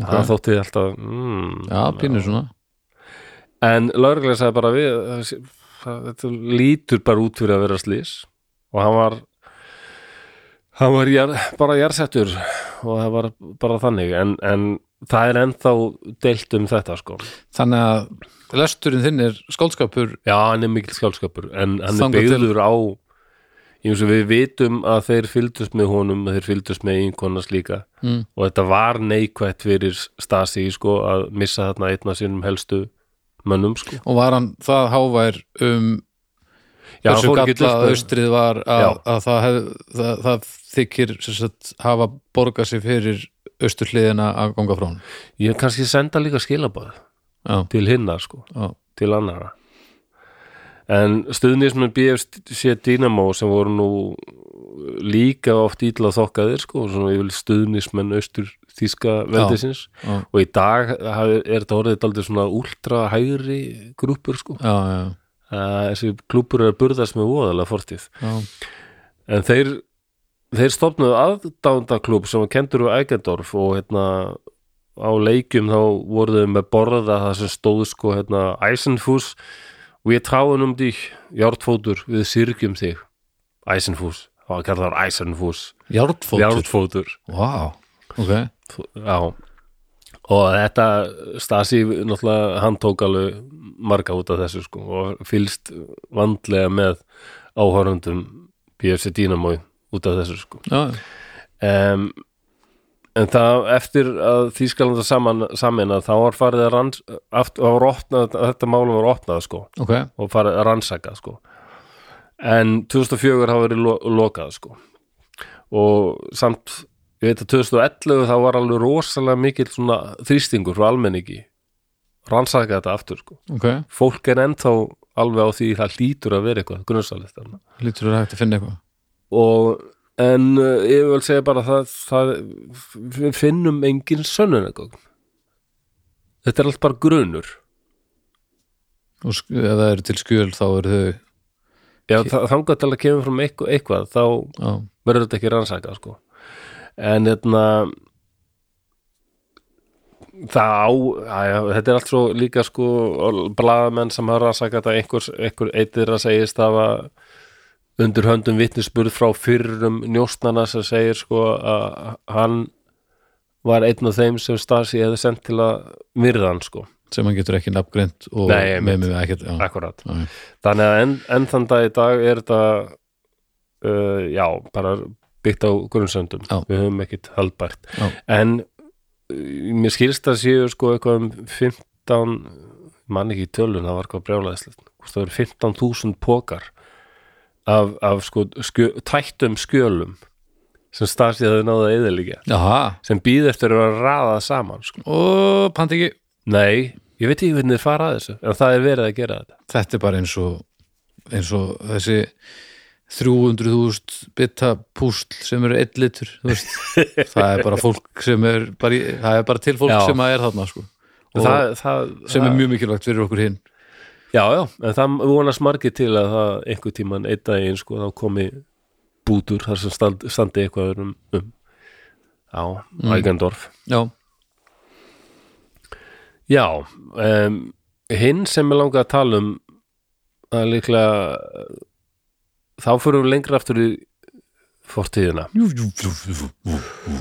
fannum í februar 1903 því þá fættist maður sem ég hétt Ha, hétt þá það er ekki lengra aftur í fortíðina Jú, það er 1993 nei, 1903 1900, Já. mjög gott Það eru 120 ára síðan já, já, já, Þá fættist uh, maður sem upprunalega hétt nú Matei Sindelar Matti Sindelar Já, svona, hétt svona teknisku nafni ok, Matei Sindelar ég fættist í því sem var Austuríki Ungverjaland sem Tjekko Tjekkoslavaki og, og Tjekkland nútímas var hlutið af ok, uh, Matei Sindelar um, en hann var austuríkismæður, hann breytti nafnir sinu líka í Mattias okay. og hann er enn þann dag í dag talin sko, langbesti austuríki, austuríski fótboltamaður sögunar já, já, Eh, um, þjó, sko, austuríkismenn voru með eitt besta landslið í heimi á þriðja áratögnum ok 1920s something Já, já, fyrir já. ykkur sem eru fætt eftir 2000 rólegur já, já, þessi kynslóð. Rólegur ég er flóli. enda kannlega betur við Generation Z heldur en Millennials verður við ekki að það er ég ekki Nei, millennial? ég mér er alveg saman með þetta pakka er ég ekki millennial? eða? Þú ert, jú, þú ert eila millennial sko. já, Það er nú stert svona Generation X í þér samt Við tölum um að sé frá 1980 til 95 og þú ert fættur 84 þannig að þú ert mhm, hallast, já mhm Mm. en eh, já eh, þa þá voru austuríkismenn sko með alveg frábært lið og kallaði bara eh, þannig að vund, sko undraliðið Undralið? já, Ok, Wu- eh, Wunderteam eitthvað ok uh, og hann var fyrirliðið þess til dæmis á, á sko HM 1934 Fyrirliðið undraliðið sinns hann var langbestur sko hann var, og hann var strax farið að kalla hann sko Mozart fótboltans Já, hann var eða, Já, já, já, já, ok eða hann var kallað líka der papier, de papierene hmm. papírskaurin, Já, pappamatti á íslensku pappamatti, pappispísi að því að hann var svo, hann var Pappamatti. svo lítill og, og Pappamassi Veikur. er mættur pappamatti Pass- Pappamassi, pappamassi já, pa- pappamatsi Já, að hann var svona virkaði svona lítill og veiklulegur sko. ok svo var auðvitað að hrindunum með kól sko, þannig að hann var ekki líkamlega um, sterkur þannig séð sko. Ok En og, svo og þá náttúrulega notaði hann bara það sér til framdráttar og veitna, hann var rosa fljótur óbáslega góður í að rekja boltan eða dribla mm og mjög góður í því að leika og varnarmenn sko. Ok, hann var eiginlega svo daldið eins og að fylgjast með Messi setna, sko, bara sem Pabba svona Messi? lítill gaur, Messi er náttúrulega Líó Messi er bara 1.60 eitthvað sko. Maradona, ja, ég veit ég, ég man Maradona var allavega sko, undir 1.70 já, þessi litlu gaurar sem hafa svo góðan balans þyngd, já, balans Já, og sko, gott ég að væri og- lágum þingdaból og hlaupa bara á milli varnamanna sko, eins og engin sem morgutafurinn það er stórfenglegt að sjá þetta sko. Mhm. mm. og, og það eru til vídeo á, á YouTube af Matt- Matthías Sindelar og Ok. maður sér þetta augljóslega Já, já, en maður sér líka að hann var skotfastur já sem hann tekur hann skot að búa að hæja þess að þessu mm. uh, og hann tekur þrömu skot upp í vingilin í einu myndbandinu sko. og það er greinilega mjög fast okay. og, og, og ef maður hugsa til þess að boltarnir á þessum árum þeir voru þungir, þeir voru leðri þetta var alveg helvítið Þetta voru bara, dót, sko. voru bara beljuhaus já, já, þetta er algjör Mm. uh, og 1999 sko þá völdu austuríkismenn já, austuríkismenn hafa eiginlega alltaf valið hann be- besta fótboltamann austuríkis Ok. síðar, sko. og að, sko International Football Federation for History and Statistics Jésús minn alþjóða samband Djöfull eru langir. sögu eh, og tölfræði Þú ert langir fánar í þessu þetta já, gerðu skoðanakönnum 99 sko og þá var hann valin besti austuríski fótboltamaður aldarinnar Ok, ok hann hafði verið, sko, árið áður var hann valinn íþróttamaður aldarinnar í Östuríki þannig að Já, hann er já, mikil þjóðheitja ekki síst út af því að hann var svo eldheitur Östuríkismaður það kom seinna í ljóð sérstaklega þegar Þískaland innlimaði Östuríki mm. hann byrjar feril sinn með hertu vín Mm. gengur til liðsið það árið 1918 mhm, og hann er strax komin aðaliði bara sem 15-16 ára það sé á allir þessi maður er óeðlilega góður sko Ok, og hann er hann er fljótur um eins og hann var svona veikburða og líkansbyggingu og notar það bara sér nýtir sér það En veik- hann er léttari og, og minni já, og já svona bara. En eh, ekki, kannski ekki veikburða beint En Nei, Nei, bara svona... hann, hann, sko, fótbalti getur verið ef þú hefur sterkar líkansbyrði, þá nýtur þau það eins og Já, já. Erling Haaland sem bara Já, já, leipur bara í gegnum varnamenn já, hann er voða mikið já, hann er bara svo nöyt í flægi já, sko. já, en svona menn er svo sindilar og svona Já. Messi getur það ekki, sko. Svona nettari hann leipur það bara á milli já, og driblar boltan það þýðir að hann, Dribblar. fyrir ykkur sem er að hlusta skil ekki, hann heldur boltan svo vel að varnamenn get ekki tekið hann á honum sko. En driblar er ekki gott Nei, rekja boltan heitir á Rekja íslensku. boltan Já. já. Dribbla, ég skildi þig einu sinni, sko. er það ekki? Já, jú, ég skildi þig En mér- Dribbling, en mér já, langaði til að skilja þig ekki af Því að þetta var svo byrjandi Er þetta ekki alltaf að nota það samt? Að dribla, Já, aldrei hirt að nota þú varst náttúrulega norðan sko. Já, já, þú er náttúrulega annar kynslu Já, já, það er líka það sko En, já, já Hann um, gerir ekki mikla rósir og hertu vín, hann meiðist og er frá daldið lengi sko og, og svo er herta að ganga í gegnum fjáras erfiðleika okay. og en, sem enda með því að þeir eruðu bara að segja sindelar upp störfum sko Já, já, þannig að hann, hann leik 23 leiki með hertu vín skoraði uh, hans fjö, fjögur mörg já, ok um, en hann er að glíma við þessi meðsli, nýja meðsli Ok, og hann komst í samband við lækni Mm.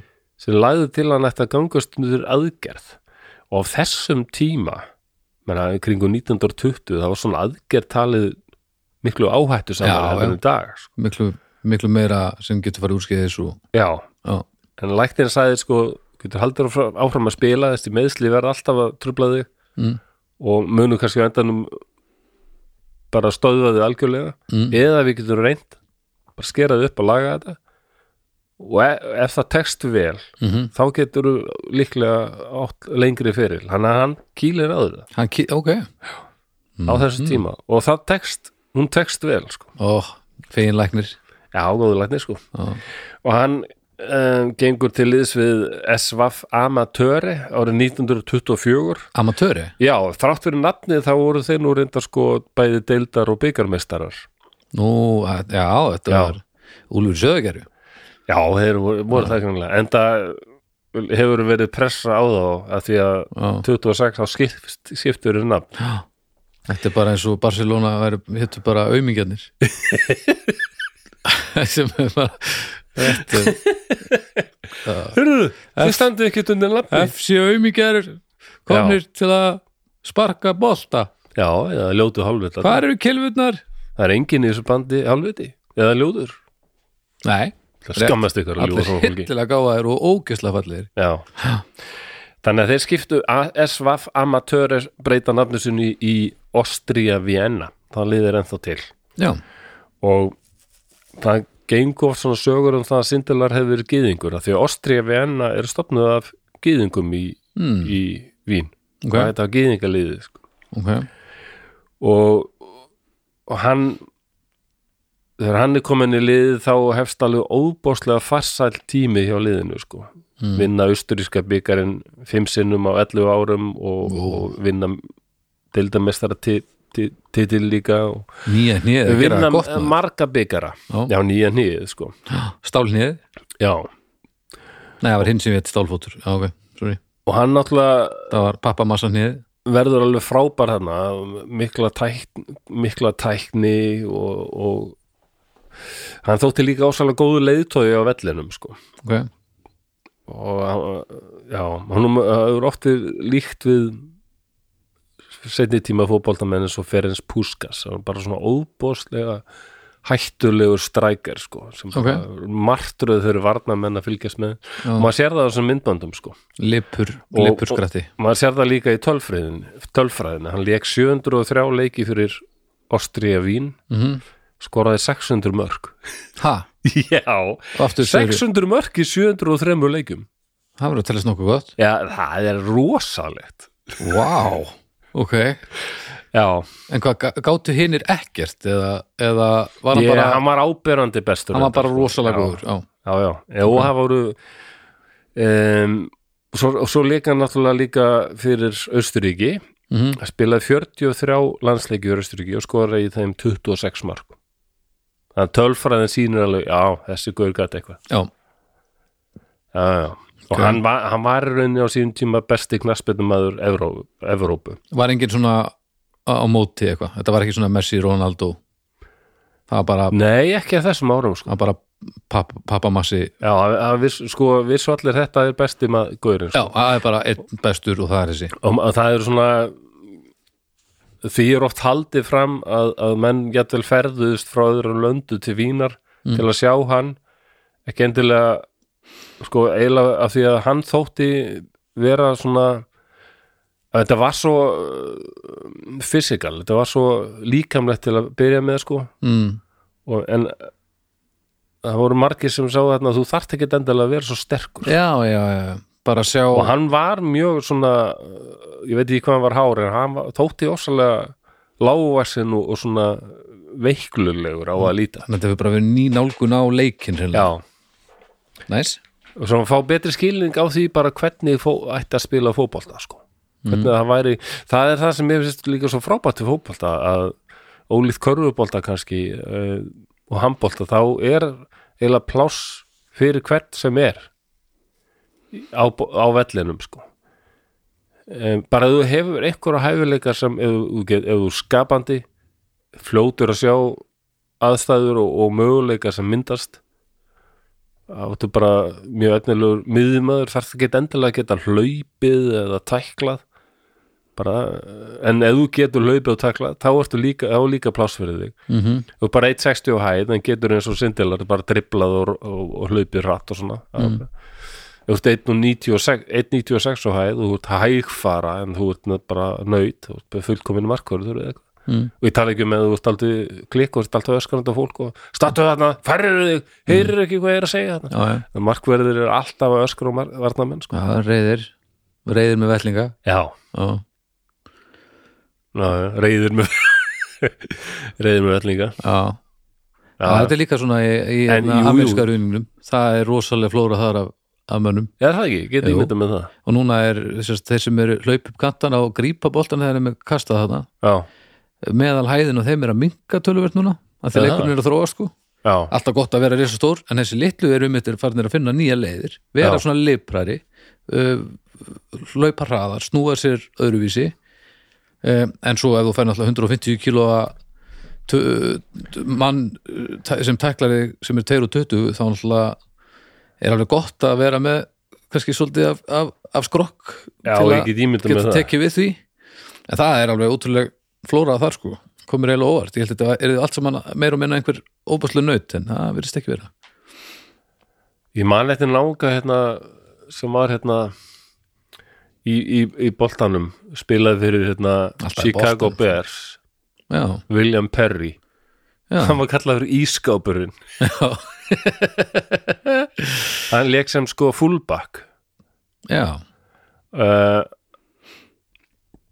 hann, s- hann sló held ég met ég held að vera 85 ok þá var hann sko þingsti leikmaður sem, Já. sk eh, sem skoraði touchdown já, af því að komið ljósa sko hann var náttúrulega bara bara uh, algjör hann, hann var sko ég held að fólk trúið þessu ekki sko þegar hann skoraði þetta touchdown já, þá var hann 152 kíló já. já, þetta er einmitt svo, það er svo hann var 188 á hæð sko sko, það er svo, en marg, svo komið ljósa hann gaf bara hlaupið líka það er ótrúlega að sjá uh, að því að hvert lið er með þrjúlið varnarlið, sóknarlið og svo special team setið það og í þessum hóp þá ertu með uh, sko be bestu það heitir vætri sífur sem hlaup upp kantana og grípa Já. boltan þegar að kasta langt og svona já uh, sá sem er núna að gera mest í deildinni hann er alveg svona eh, ég man ekki, það- hann var, hann var settur á inn á svona olimpíu úrslitahlaup uh, á, fr- í frjálsum Já, bara hvað hann er að hlaupa hratt það var sett inn á það og þú veist bolt náttúrulega rústa þessu en hann var bara í fjóruða eða eitthvað já Þú veist, vá hann, er, hann er, hann er alveg galið hvað þeir eru að hlaupa hratt sko Já, og svo í samanliði erum við mitt með einhvern sem er 120 kíló rúmur 2 metrar Eh, eina sem hann gerir er að- að stoppa annan kall já, en svo um leiðu þau þurfa að hlaupa eitthvað hann getur hlaupið svona 10 metra og þá er hann alveg búinn já, Á- þá er bara allt alveg sprungið já, og það er svo ofbúslega kontrastar þú veist, hvað, hvað svona verk, hlutskipti hvers og eins já, já, er skýrt og hvað það er búið að þjálfa sig engöngu í þá áttina já.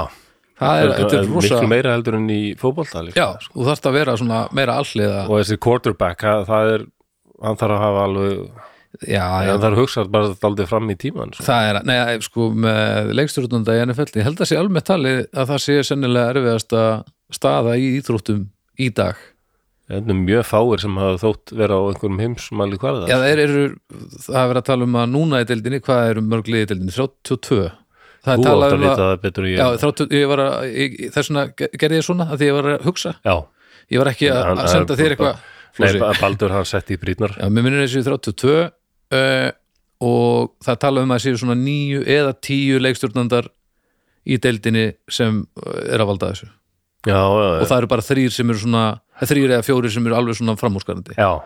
svo að það eru miklu fleiri leikstjórnundir í deildinni en þetta er bara ekkert hægt Nei, þetta er, ekki- það er ekki hægt að gera þetta þetta er alveg, Nei. alveg galið sko. þetta finnst mér svo skemmtilegt við þessi íþrótt já, já það er svo margt að og en þetta er svo taktist og þetta er svo, já, já, þetta er svo skrítin íþrótt, já, já. mjög skemmtilega En finnst þið fótbolti eh, leiðilegur eða? nei, nei, Nei. en uh, Það er allt öðruvísi lítið að gerast Já, þannig sé ég. Já. hægt sko og sem er ótrúlega fyndið að því að þeir sem sjá NFL og, og skilja það ekki finnst aldrei neittur að gerast að því að það er alltaf pí- eitthvað pínu og svo endara Já. og svo þarf þarf að byrja upp á nýtt Já, ég upplýði þetta en aldrei sko. mér finnst miklu meira að gerast þar eftir Já, að ég ok. fór að skilja það heldur en í fótbolta þar sem er verið að sparka á milli þangur til einhver Jú, það, sömu leikir eru þannig sko það er bara þegar le- lið þóra ekki að gera neitt sko Já. eða eru bara að spila upp á jafntefli það er óþólandi sko en en það er eins og svo þegar koma góðu leikir þá er sko. fótbolt En það er rosa gaman, gaman að horfa á eh, besta fólk í heimi í einhverjum íþróttum gera þá íþrótt, það er bara gaman sama hver íþróttin er eiginlega Er það? já, ég meina þetta er, þú veist ef þetta er kolpakast, þú veist ef einhver getur Ói þrygt, já, nei, það er dýna láta ekki svona, Nei, og þú veist, ef að, ákveð þetta var lélegt þetta er náttúrulega ekki íþrótt ég ætla að vona það sé ekki til nei, ég held að sé ekki til Þetta dvergakast hefur verið til Næ, já, það var svona, sko, allavega, þú veist og eiginkonu hlaup eigin konur hlaup Já, mér skilst það, þessi menn já, já, já já, á bakkið og sko, já, löpa, hlaupa, hlaupa sko. en sko curling til dæmis það er gaman að horfa á curling ef það er ef, það er, ef allir eru ógeðslega góður í því. Já, djöfull er að leðilegt þegar enginn er góður í því. og það er bara sama með all- sópa, allar sópa, aðrar sópa, íþróttir. sópa sópa, sópa, sópa, sópa, Já, sópa, já. sópa, búm Ég komst alveg þetta aldrei, sko, Danir voru tíðanbili með ósalega gott liði curling og það var bara curling curling fever já, það er í ekkert Danmörku, sko. skrítið, það er svo flatt og gæst sett völl hver sem er Já. Hmm. Já, ég hef að kvenna liðið aðalega sem Noregur var ægilega góður. skemmtilegast Nóri er eiginlega góður í skýðastökki af því að það var allt í hæð Já, og Danmörk er eiginlega góður í curling af því að það var allt var slett jú, jú Það, er- það er- mig minnir að vera kvenna liðið sem var langt best mm. Það var ein hérna, það er eins og sé eitthvað stjórnandi þar, sú sem hérna hendir Súsanna Hendir Eh, Nei, sú sem hérna Sú hend, sa- hendir sú- steinin sú þarna- já, Sú þarna sem Steinkastari. hendir Sú- sú- Sú Súsanna, þarna Súsa, Súsanna- Sú þarna sem hendir Er ekki ekki sú, Súsanna Súsanna sem sem hendir Ég bara- Já, þetta er svona Já. flugsturinn sem Hún talar hún var allavega, hún var aldrei svona hetja í Danmarku, hún var alltaf hérna Nei, þú sko, leikir tíma Alltaf æ- æpandi þannig á ellinu sko. Ég held að kynni dönsku Nei, mér varst betra að hún bara myndi maður skildi aldrei hvað hún var að segja sko. Já, já, já Þú segir hója Þú getur alveg tala dönsku og enginn skilur hvað þetta segja Já, mér finnst þetta skemmtilegast svona þessi gamla danska sem að tala hægt eins og Já, Ah, gammel dans leikstjó, eins og leikarar svona í gamla daga Ja. Nej, min gode herre det bryder jeg mig ikke om Jeg skal ud på landet i morges Ah, Svona, Í þjó, móin. svona þjóðleikhúsur danska Já, og ég, mér finnst hún skemmtilegast Já, og ja, Mm. gammel dansk eins og við kvöldum þetta Hann valdi í gesladiskabúðinni, ég kom þangað einhvern tímann og þá var mamma hans þarna mm, og þau voru að tala saman og hún er Dani held ég sko okay. og ég hlustaði og ég sagði bara, ég var að, vá, þessi danska sem þeir eru að tala, Hva, hvaðan er, er mamma þín? Já, við, við erum bara frá Kaupanöfn. Nei, ég trúði því ekki. Kaupanöfn var búið að tala ömulustu dönsku í heimi, það skilst ekki neitt. Ég sko, já, já, já, já, ég sko, bara nenni ekki að reyfa munnin, sko. Þetta var svona, einmitt, þú var revju danska. Já, já, Og þá, þá sagði hann, já, mamma tala náttúrulega tala dönsku eins og hún var töluð í Kaupanöfn árið 1977, eitthvað svona. já, já, já, Það passar. já, já. Svo Svo bara eldri danir, maður heyrði þeir eru miklu öðuldra að skilja þá tölu hægt og skýrt og já, Svo bránaði Nátt danskan að þú koma frá Ísland Bránaði- Ég ætti að segja auðum in the 90s einhvern tímann. Men det er jo dejligt af det ikke? Já, já. Þetta, nei, nei, ekki Svo kaupmanarnar búar og svona sko. Já, já, ok Við erum aldrei búið með það Sko, en svo kemur að hinnum örlaðaríka degi April 1938 ok þá leikur austur þís, nei, austuríki austuríska landslið leikur við Þískaland á Prater leikonginum eh, Prata leikonginum í Vínarborg Hvaða liðsæður? Östur, austuríki, austuríska landslið östuríska landsliði? leikur við Þíska landslið Já, ok, í já. síðasta skiptið Mm, það var kveðju leikur austuríska landslið mm, landslið, að því austuríska landslið var ekki lengur til að því það var einhver komin Östuríki var ekki lengur til uh, Nokkur vikum áður hafði sko Þískaland innlimað Östuríki mm bara þeir bara gerðu þann inn og, og, Jæja. Inn og heldu kostningar vilja ekki allir að við tökum og Jæja krakkar það er alveg kostulegt að sjá hana, kostningaseðilin mm. þú ert að merkja við pínlu lítið nei Já, og svo er já alveg svona risastórt mm, Svo skýr skilabóð hvað þú átt að skrifa mm, þannig að þetta átti að vera uh, og sko austuríkismenn átt að fara á heimsmestaramótið 1938 ok, þetta sumar já, en Þískaland hafði bara sendt inn tilkynningu Östuríki lengur til Östuríki er ekki lengur til og mun þau ekki taka það keppa og þetta þykir mörgum ennþann dag í dag eitt mesti harmleikur sem Östuríki Östuríki fótboltinn hefur Já. lendi í að því að allir í Evrópu voru sannfærðir um það að Östuríki myndi Taka það. rústa þessari keppni ah, Já. ah, en, en maður veit það ekki en, já, já nei, nei, og þess, þessi leikur var kallaður Anschlussbíl og þetta var eiginlega meira sko eitthvað svona hátíð sem nasistastjórnin setti upp sko mm, og fagna því að Östuríki var að koma he- heim sko It's coming home og er að lesa salin svo lítið og Sindelar var hérna fyrirliði Östuríkis mm og ha- hann tekur strax til sinna ráða Östuríki leik alltaf í hvítum og svartum búningum mm, En hann segir þetta, nei, ekki, ekki í dag. Við skiptum svarta, svartu peysinu út fyrir raukt. mm, haha, Rau, við spilum í rauð og hvítu. ó já fáninn, fáninn Já, fáni Östuríkis er einmitt rauður og hvítur. mjög gott Og mörgum finnst, mar margir sem horfði á hann leik fannst hann f- mjög undalegur.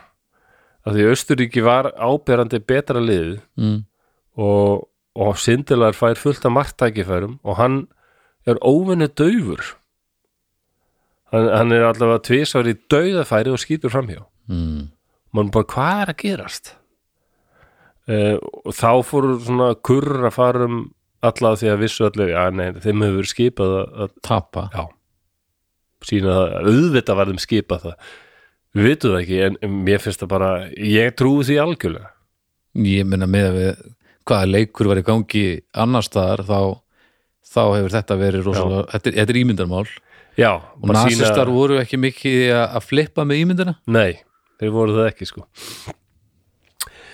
En á síðustu, það var 20 mínútur eftir að leiknum um 0-0, mm. þá hættir sindilar þessari vitleysu Já. og, og, og hleypur í getnum þrá varnamenn og skorar og og bara nokkrum mínútur setna þá fá Östuríkismenn annað margtækifæri þeir voru miklu betri Mm. og félagi hans Karl Sesta skorar rétt aður leikurinn þetta 2-0 fyrir Östuríki 2-0 fyrir Östuríki og þegar leikurinn, leiknum er lokið þá hleypur hann sko beint að hérna forraðamönnu nasista, sem östurískara nasista og þýskara sem voru þarna og fagnar gífuleg hafna já, Öss. og hann, sko, hann var náttúrulega orðin daldið gamall þarna 35 ára, hann var ennþá þræl góður samt, sko. ok, e, og þe- þeir segja að þú átt að spila fyrir þýskalansliði náttúrulega, bara við erum að spila, ég held að þeir hafi verið á heisastramótinu 38 mm. líka en hann sagði nei bæði sko neitaði hann að yfirgefa Östuríki það Mhm. kemur ekki til greina Mm.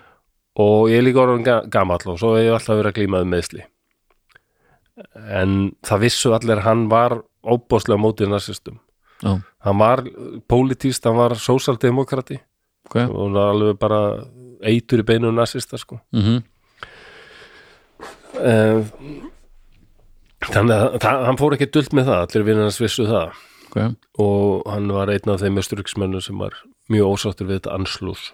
já, Í janúar, 23. janúar 39 þá höfðu hann og kærastans Kamila höfðu sko ekki sérst lengi þannig að lögreglan brýtur upp endan brýtur upp hurðuna í íbúðinu og þar finnast þau bæði látin uh, og það er rannsókn og opinberi dómurinn er kolmonóksíð eitrun mm. en það er náttúrulega að fara strax af stað sögursatni þar já, já að þetta hefði annarkvort við, jú, þetta virðist að verið slís aðri segja nei, þetta var alveg augljóslega sjálfsmorð Mm. hann var svo miður sín þegar að Östuríki var innlimað að hann framdi sjálfsmorð aðri segja nei, þetta var morð og eh, reyðtöfundur sem heit Frídrik Torberg hann samdi ljóð sko þarna, auf den Tod eines Fußballs, Fußballspiels Dó, döði fótbollmanns Mm. og það, það, það er svona frekar svona morbid romantik í því að hann hafi framið sjálfsmorð já, þannig að það gæti ekki hugsað sér að búa í Östuríki sem hafi verið innlimað já, en aðrir segja nei, þetta var bara slís og það er reynda sko það sem er sérstaklega bendir til þess að það geti verið sett Já. er að nágrannir þeirra hafði sko, þau byggu svona fjölbílshúsi ok og nágrannir þeirra hafi klaf, kvartað, kvartað undan því að strompurinn væri eitthvað bilaður sko. hmm. þannig að hafi bara í alvörinni ekkert farið út og þau bara fara, Já. fara að sofa og, já, og ekkert vaknað sko. og ekkert vaknað áttur Já, en menn að þetta er 39 sko, en svo, svo í heimildamind ég held að sé á YouTube uh, sem er örgulega svona rúmlega 20 ára gömul sko þá er þarna eh, á BBC þá er um að vera að fjalla um þetta mm. og þá er vinur hans æ- æskuvinur hans Egon eh, s- sem heldur því fram að embattismanni hafi þetta verið mútað til að skrá dauðan sem slís svo hann gæti fengið ríkis útför því að það var reglur í landinu sko að einhver sem hefði verið myrtur eða framið sjálfsmorð það hann gæti ekki fengið svona heiðurs útför Mm. Eh, þannig að það var að gera eitthvað til þess að tryggja sko wow Við gátum ekki sagt þetta að vera glæp, glæpur sko. já, já.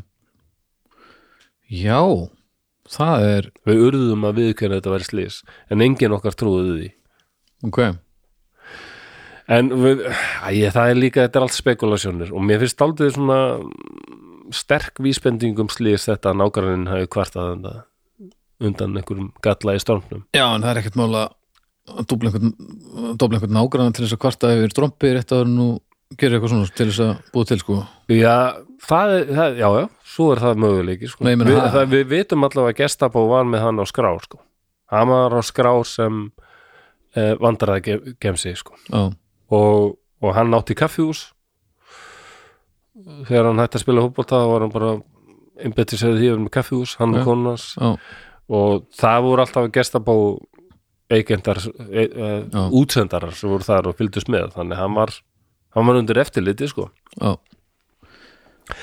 og þessi stórkoslið þarna International Football Federation for History and Statistics eða Ah. tölfræði og sögu stofnun alþjóða fótbolta eitthvað já lengsta hús í heimi Já, að, hann var uh, sko valinn besti knarsbjöndumæður aldarinnar já, 20. aldarinnar Ok. og, og lendi í öðru, 20. öðru sæti yfir bestu fótboltamenn um, já, aldarinnar já, já ok, Já, en ég vil bara segja frá þessum tveimur, ég held að margir kannski viti ekki um þá Nei. Svo bara í endan alltaf ég renna rætt yfir e, fótboltamenn sem urðu pólitíkusar eða aðeir sem hafa ekki farið dult með pólitíska skoðunni sín bom, bom, bom Ég fór að hugsa um þetta sérstaklega, ég held að hafi verið á síðasta ári þá Gary Lineker sem er mist mjög skemmtilegur mm.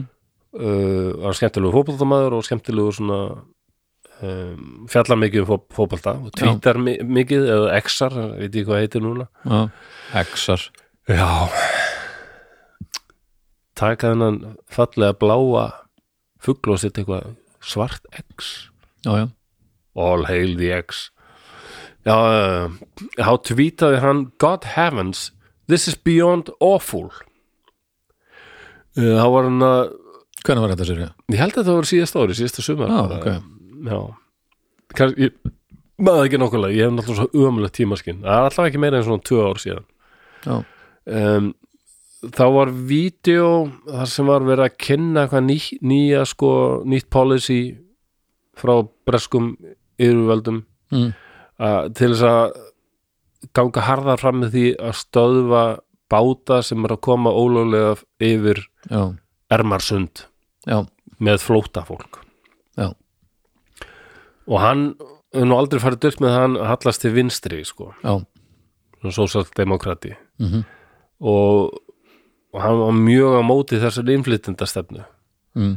og hann, hann skrifaði bara á Twitter sko að það er ekkit fullt af innflytjundum sem eru að flæða hérna inn við tökum miklu færri heldur en flest önnur stór Evrópuríki sagðan mm.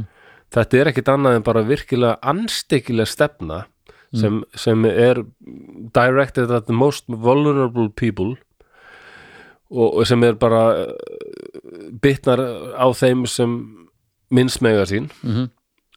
og svo líkir hann þessu við Þýskaland sko á fjórða áratögnum Mm.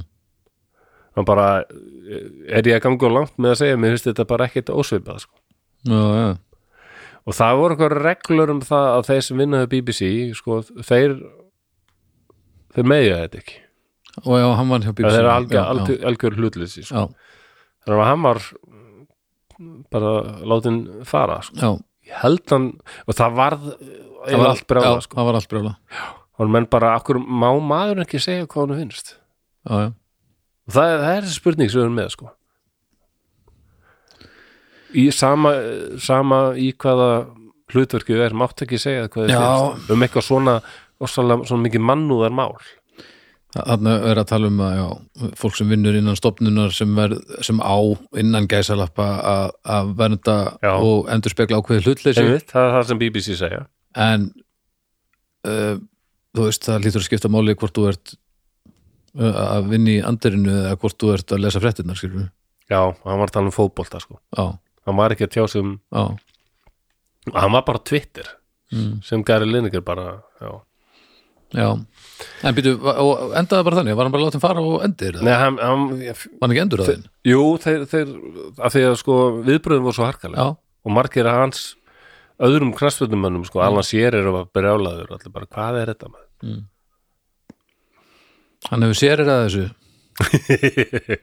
Þannig sér eru þessu, akkurat Svo er einn þarna leikmaður sem ég, ég held alltaf að hann ræðislegur allir minni kynslu og mun eftir honum Sókrates uh, já, Nei, og er, Baldur veit ekkert hvað hvað segir, Sókrates? þetta er Já, knastfjöldumöður já, nei, já, fótboltamaður nei, ég kannast ekki við hann, ég kannast við Sókrates en ekki, ég vissi ekki hann geti Læk, doktor Sókrates, mér að segja Doktor Hann var Sókrates, læknir, ha, hann var læknir já ok, Hann hérna ég var ekki hann sem var læknir, það var ekki Stíko eða Ég veit það ekki. Uh, nei, nei, það var Sókrates Doktor Sókrates eða Dr. Sókrates hann Ok. var alveg æðislegu leikmaður okay. hvað stöðu?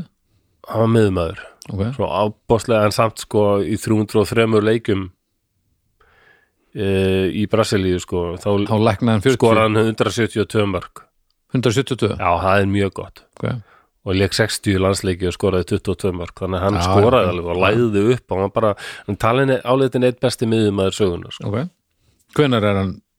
Ah, Já, það er Þubbi. góð spurning um, Ég held hann hann var þetta sko 70s Já, og alveg fram 80s kannski alveg fram í 90s nú, Já, hérna, afsækið þarna 8. áðurstöfin fram á þann 10. já, Minnið það sko ok Vonaði sér ekki að fara rámt Það eru 50 frúst líkur Já, já, allir það ekki sko Hann hérna, um, meðan var að leika fyrir Corinthians í Brasilíu þá stopnaði hann sko líðræðis reyfingu Corinthians af því þá var Brasilía sko undir herrstjórn mm.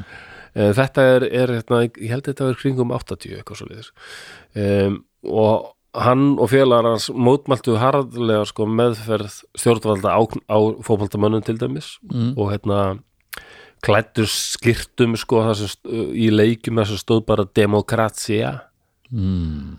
eins og líðræðisreifingin um, sko. Ok, ok, það er Ég- það er- það er grótart Já, og sérstaklega það er herstjórn sem var mér frekar ítlæmt Mhm. sem stjórnaði hérna og 84 sko þá hérna þá var hann ópenbælega sko st- stuttan Diretas Já Ha, samtökin Diretas Já ég reyta sér já frjálsar kostningar núna Já, sem bara var vinsal hreyfing sem bara var svona líðræðshreyfing sko. mm.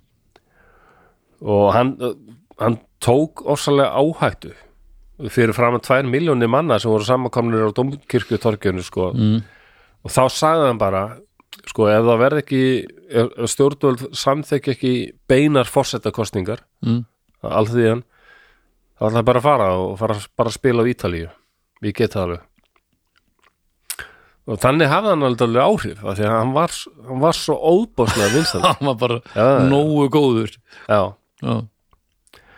Vá, Eh, og hann fordæmdi herinn og, og- og barðist fyrir því að yrði lýðræði í Brasilíu hann í- og hann sagði oft sko að, að þrjár æsku heitur hans væru Fidel Castro, Che Guevara og John Lennon engin, engin fótboltamaður já og hann var líka í hérna, brasilíska verkamannafloknum setna okay. hann var mjög pólitískur en, en sk- kíkjum hérna heim við eigum nú einn Íslending Albert Guðmusson bara eitt besti knæsputumæður já, fyrir það síðar hann var fyrstur Íslendinga til að vera atvinnmaður já, lék fyrir Rangers í Skotlandi Arsenal, Nancy í Fraklandi AC Milan já og Nice Þetta er- Uh, hann var strax komin sko í stjórnmálinn hérna 1970 því miður á valdan algjörlega rámt gekk til þessu sjálfstæðisflokkin nú, já, já, já, ég fyrir ekki dult með það ég er mjög gaggrinn oft á sjálfstæðisflokkin ertu? já, ég, ég fíla hann, ég hef Sláandi. aldrei fílað þann flokk Nei, Þú veist, það vera eitthvað svona sérhagsmuna líkt á hann sko. já, fyndi ég get alveg skilið hægri stefnuna og að því bara hann, flokkurinn fílar þig mjög vel sko ha, að því flokkurinn fílar þig mjög vel, þetta er mjög myndi þú na, ert svona alveg holdgerfingur þess sem þau eru að berjast fyrir já, nei já. Nei, ja, Ég svo- það? nei, nei nei, ekki sennilega ekki Ég minnst hann bara leið, astnalugur hægri flokkur, ég voru að segja það. þetta Ég stríða hef oft verið í sjálfstæðisflokknum stjórn, sko, okkur, þú þú varst veist að bara, bjóri þarna er varstu aldrei bara, leiður eða neitt, þetta er þarna bara, varstu bara að stríða þetta sjálfstæðisflokknum eru pilsfalda, kap- astnalegur, þú ert astnalegur Já. hægurflokkur þetta er ekki alveg kapitalistar, þetta er svona pilsfalda kapitalistar. já, ok Svo að um, einhver svona frændhygglis fíla af þeim. mm, já, það er smá einræktun Já, hann gengur til Lissu sjálfstæðarflokkin og, og Mm. allt bæja fulltrú í Reykjavík.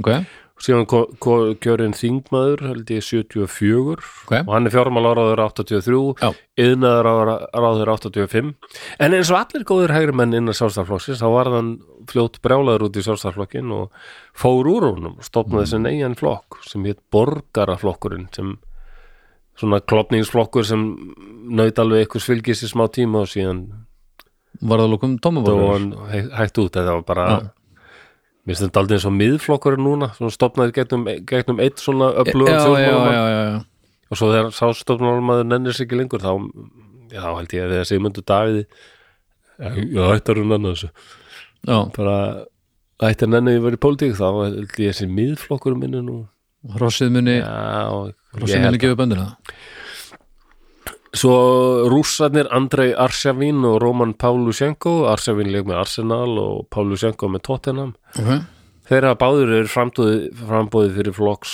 uh, Putin sem man ekki hvað heitir Vladimir Putins og já, að ekki fara dult með það, þeir eru stuðnismenn hans já en eh, ég held nú líka ef þú vilt búa í Rúslandi þá er þessi betra betra og, og þú er svona daldið frægur og, influ, og influential Já, ef þú ætlar að láta Þá er- þér heyra þá er, Já. þá er örugur að leikja þeim megin já, en, en blessunlega þá gerum það nú ekki allir nei til dæmis má nefna hann Hakan Sukur eða Nautið frá Bosporus sem er besti tyrkneski leikmaður allar tíma held ég, hann er að langhæsti markahæsti tyrkneski leikmaður og upphafi ok, miðum er ég ekki búin að skrá hjá mér hvað hann skoraði mörg mörg en það getur ekki verið erfitt að finna það á YouTube Ó. hann er líka mikil góðsögn hjá Galatasaray og uh, hann, ég veit hann skoraði 295 mörg á eitthvað þremur tímabilum með Galatasaray ok hann hann var rosalegu leikmaður sko. og þegar hann hætti í, í fótboltanum þá fór hann beint í pólitíkina og 2011 þá var hann komin inn á tyrkneska þingið fyrir flokk sem heitir á íslensku eitthvað svona réttlætis og þróunarflokkurinn já, Já, allavega er svona lí- vinst- virðist vera svona me- vinstri sinnaður lýræðisflokkur allavega ekki, er ekki sko flokkur Erdogans forseta Nei, ok eh, og hann sæði sér endur úr flottum setna en var áfram sjálfstæður þingmaður ok, og 2016 þá var gefin út handtökuskipun honum á hendur eftir hann var ákjörður að fyrra, vera meðlumur í vopnuðum hriðverkahóp þetta vakti rosalega aðtegli Hmm. eitt frægasti fótboltamaður Tyrklas frá uppafi Mhm. eh, og bara yfirvöld bara ákæran um að vera hriðverkahóp mm -hmm. veistu hvað hann hafði gert Nei, hann talaði illa um Erdogan fórsett á Twitter búm sagði þetta er bara bara þetta er bara sagði bara þetta er bara hamfari, hamfara stefna Þetta er bara auðli í stól og, já, eh, og kallaði hann bara, mér minnum það að kallaði hann bara hann er ekkit fórsett, hann er bara einræðisæra sem maður, og, ja. verðum að losna við hann Það er rosa triggerendi fyrir þessa innræðisera Já, og Hakan Sukur býr í bandaríkjunum og segir sjálfur að hann sé e, í pólitíski útlegð sko. Já, já. Já. það er aldrei svakalegt fyrst mér að já, já, vera, það já, er svo eður smári Guðjónsson væri bara rekin úr landi og mætti ekki koma þingað eftir já, hann hefur gaggrind, það veri, ekkert tíma gaggrind Davíð Oddsson eða eitthvað já, guðinni væri asnalur Já, ég ætlum að þakka fyrir að s- bara mega segja eitthvað sko.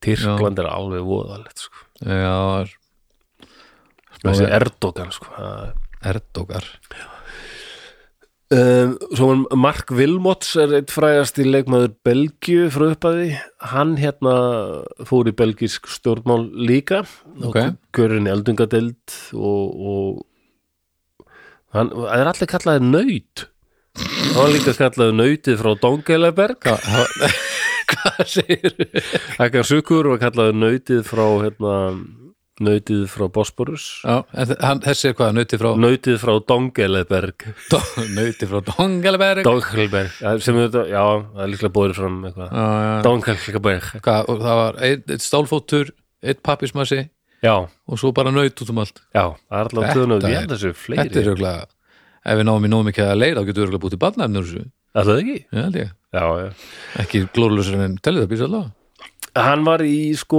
einhvern svona frálshyggju flokk sem held held að við nú erum meira svona smá til hægri sko Ok.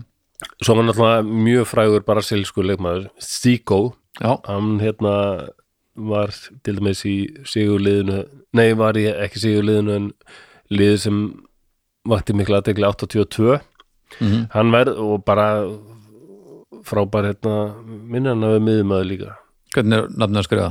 sé ita sé, Ita sé, nei, seta i sé o Já, ok, Zico Siggo Já, eh, hann var elbriðisráður nei, íþórtamálaráður 1990 sko, og Ok. hérna allaði sko að fara í miklar aðgerðir til þess að laga brasilskan fótbolta hann er þið samkeppnishæfari og þið getur haldið góðu leikmönnum sko þeir eru náttúrulega farnir bara átján ára sko góðu leikmönn frá Brasilíu til Spánar eða Ítalíu hvað er, að ráð- hvernig ráðherra var hann, segir við?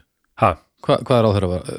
hann var íþróttamála ráðara Hann, ok, pínu kalt það einhver sem heiti Siggo sé, sé Ég má, ég hef íþróttamála- aldrei bæltið því maður Já, það er mjög kaldæðnislegt Já, Já, já, hann er samt öruglega oftur með sík og þeir eru reyktu allir já, bóttið sko Sókrates til dæmis, hann var alltaf reykjand og drekkandi sko, barðist mjög við alkoholisma og, Svo var hann að og svo- alltaf eins og hann verið sko og, og var á vellur alltaf órakaður og svona Já. sítt hár og svona og Heilbriðis, heilbriðis málar á þeirra var það ekki landi eða Held það, Landi, landi, varnamæðurinn Nei, Siggo landi, ég er bara að segja brandara Haldur bara áfram, ég ætla ekki að slasa þig já þeir voru- þetta með, jú, ég náði þessu ekki Nei, um, Æ, ég náði þessu ekki nei, nei, þú, þú, þú En hérna, hann var brjálaður þegar hann komst að því hvað stjórnmálin voru, hvað allt gekk hægt já, allir voru móti umbótum og hann bara, ég nenni sér ekki þetta er um, já, ömulegt að vera í stjórnmálum og Já, hætti, hætti bara bara sagði af sér já, hann hefur ekki verið með hann hefur kannski verið kollegi að ég hátti það er held ég, ég veit ekkert skjálfur en að ef maður færi þarna inn og, og, sko uppskera vinnuðinnar kemur ógeðslega sent eða aldrei Já. og er aldrei eins og þú vilt nákvæmlega hafa nei, nei.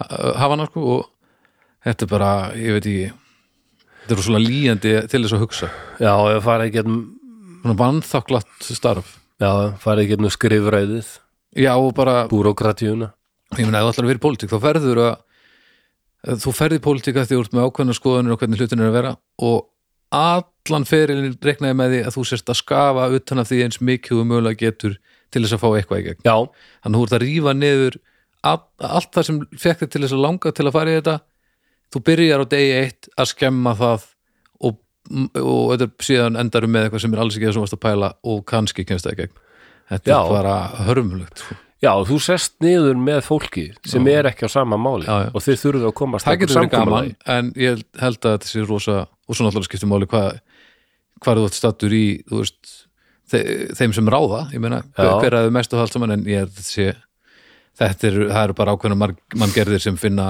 hamingi þessu sko Já, þetta er, þetta er örugglega mjög erfitt, ég held ég að þetta- ég gæti þetta alls ekki sko. Svo að vinstir menn þurfa að setjast niður með hægri mönnum og, og svo þurfa að komast að einhverju samkomulagi, einmitt eins og þú segir, skafa af og gefa eftir já, ég held að sé og miklu, þá verða, verða sko kjósendur brjálaðir sko. það er miklu En svo vinstri auðveldara- grænir er að heyra núna, ná, bara svigarar það er miklu auðvöldar að, að ákveða bara að vera spiltur og vinna fyrir sína hagsmuni og hafa þannig gaman að þessu frekar en ætla að reyna að eh, úst, breyta þjóðfélaginu til eins betra Af Það er því að miklu það, auðvildara það, er, það er ekki að fara að gerast e, á næstunni sko Nei, þannig að e, já, til að, hafa- til að fungera vel í, ég held að spilling sé bara copingmekanismi pólitíkusins já, meinar Það er ekki gott leta sér vinna Mér, mér er spilling leðileg já, Já, já. mér er illa við hana Ég verð bara að viðkenna það þetta ekki, ekki talsmaður spillingar Nei, ég veit að hún er vinsæl meðal landaminna en um, ég held að hún gerir meira vont heldur en gott hún er að gera gott á heimsvíð sko, reynlega Já, ég, Ég held þetta- þetta er að ganga, Við sko. ættum að prófa að taka svona tíu ár bara alheimurinn mm. alveg að sleppa spillingu, sjá hvernig það kemur út Ég held að það geti komið mörgum óvart sko. Mm.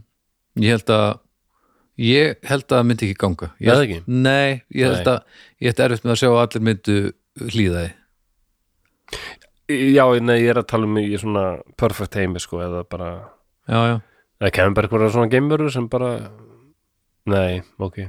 Nei, já sem myndu láta okkur gera það, þá, þá erum við komið eitthvað þetta komið Þú bara komið með einhverja innræðis fasista herra úr geimnum já, það er eitthvað ein, aðeins annað vond já, já en ég meina að það myndi rista hópin saman Jó, akkurat já, já. um, Einn leikmaður sem ég held að haldið mikið upp á Lilian Thuram Mér finnst það alveg einn æðislegasti varnamaður túram Já, já, Lilian Thuram Hann er, alltaf sé ekki ætt, hann er svartur, ættaður líklega frá Senegal eða eitthvað svolítið sem leikur í Frakland já, var í þessu rosalega liði sem verið heimsvestara 98 ok hann var alveg frábær sko. hann var mest hann alveg æðislegasti vartamæður sem mann eftir sko. mm. og svo líka svo frábær maður sko. ok, alveg gjör mistari sko.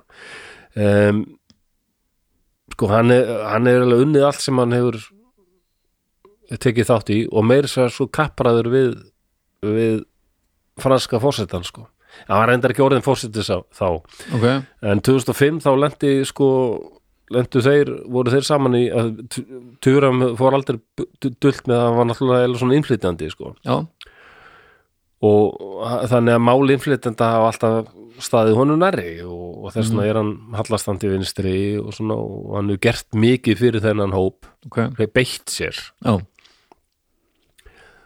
um, það var til svona frækt þegar hann hérna, leiði ykkur 70 rútur og það var hérna, uh, fólk sem sko átti hver, sem var bara bjóða okkur svona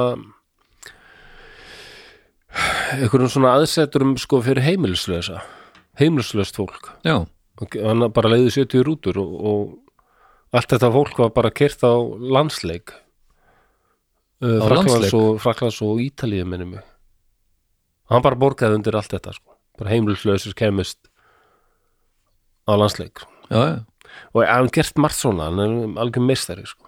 ok en Eh, það var mjög ógeðfeldur gaur sem ég held að sem er með sér búið að dæmi í fangelsi fyrir spillingu og skattsvík og veit í hvað Nikolas Sarkozy sem var hérna hægrumaður sem var fórseti já, og 2005 þá lendu þeir í hatrömmum orðræðum í, í Fraklandi þar sem hérna til dæmis Sarkozy var að tala um að krakkarnir úr frönsku gettónum sko sem væru, væru með uppsteit og, og ofbeldi sko þetta væru bara ruslaralíður já og Turan var svona ekta svona já, hann var alltaf bara varnamaðurinn sem bara, ekkert bull bara beint, koma sér beint að ennunu mm -hmm.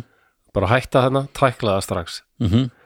og hann svaraði bara það er nú ég, ég er ekki ruslarliður bara svona með þunga Já, ég er ekki ruslarliður og benti bara á það að þessi einn já. fremsti landslismæður hraklars frá upphæði Mm Hanna kæmi úr gettóinu sko. já.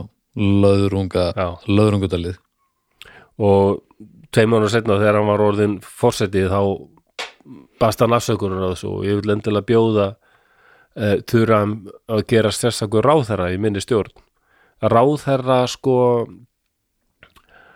ráðherra hérna hvernig á, hvað á að kalla það uh, Eh, fjölmenningaráðherra, Já, eitthvað svoleiðis ok Og og aftur var Turan bara no nonsense svaraði bara nei takk engan að hóa uh, Já, já. þetta, þetta Já, væri já. sko þe- þe- þetta er heldur á YouTube sko hann segir bara Já, ég þarf að klála að ég er tekka ekki ruslara líður að töffari, algjör töffari sko. Já, já, og svo er maður talandi um f- f- nú ætla ég bara að reyna að fara aðeins hrætti yfir þetta Já. Eh, Romario til dæmis sem er bara markahesti leikmaður allra tíma sko já, leik með PSV, Barcelona, Flamengo hann fór aldrei dörp með það að hann var hardcore socialisti og kjörinn á fulltrú til þingsins ok neðri til þingsins og, og hann til dæmis beitti sér mjög fyrir því að bara Silja fekk H&M 2014 Ok, bara selska sósælistaflóknum mm -hmm.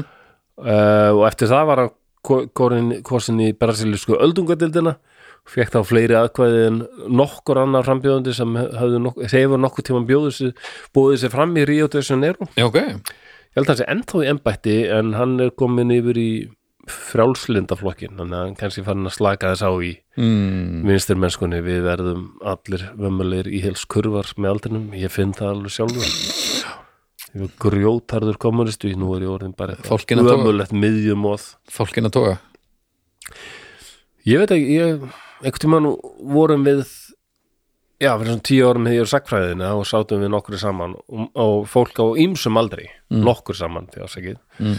og ýmsum aldri og, einna, og, og þá var í, vorum við í kursi sko, kurs sem fjallaðum sósjalist á Íslandi og þá varum þetta spáið í þessu og mörg okkar fóru síðan áfram í annan kurs sem var um fasisma Já, e, þá vorum við að spá í þessu sko eins og að vera um, hvað hétt hann áttu Christian Dulamassel eitthvað svo leiðis sem var hérna, var mjög fræg heimildaminn sem heitir The Sorrow and the Pity mælum með því að horfa á hana gerð 72-3 um Frakland í setni heimstyrldinni og þar kemur skýrt fram hvað hann var mikill klopningur og þar er sko viðtal við hennan náunga ok uh, af, af einhverjum aðalsættum Christian Dulemassier minni að hann heiti hann sagði sem ungu maður fraklandi á þessum tíma Mm.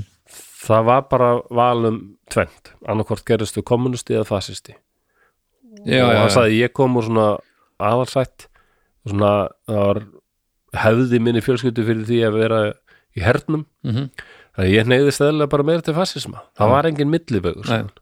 akkurat já, Já, um, okkur fór Bara- að tala um þetta bara hippið að hermaður Já, já, við vorum, já þá vorum við hippið hermuðu Já, ja, kommunistarnir gáttu nú verið mjög militant líka Já, ég, meina, ég var bara að finna einhverja anstæður sko Jú, jú Þú veist, um, Já, þá vorum við bara að spá í sko við Varst gra- Margrét sátum eða þetta með Múrsteinn? kaffibolla í hámu þá vorum við bara að velta fyrir okkur ef á þessum tíma, ég meina, hvort hefum við hallast meira að fasisma, kommunisma það var alveg nokkuð sem sögðu, ég heldur ef ég var reynskilin, ég hefði verið hrypnar af fasistunum mm.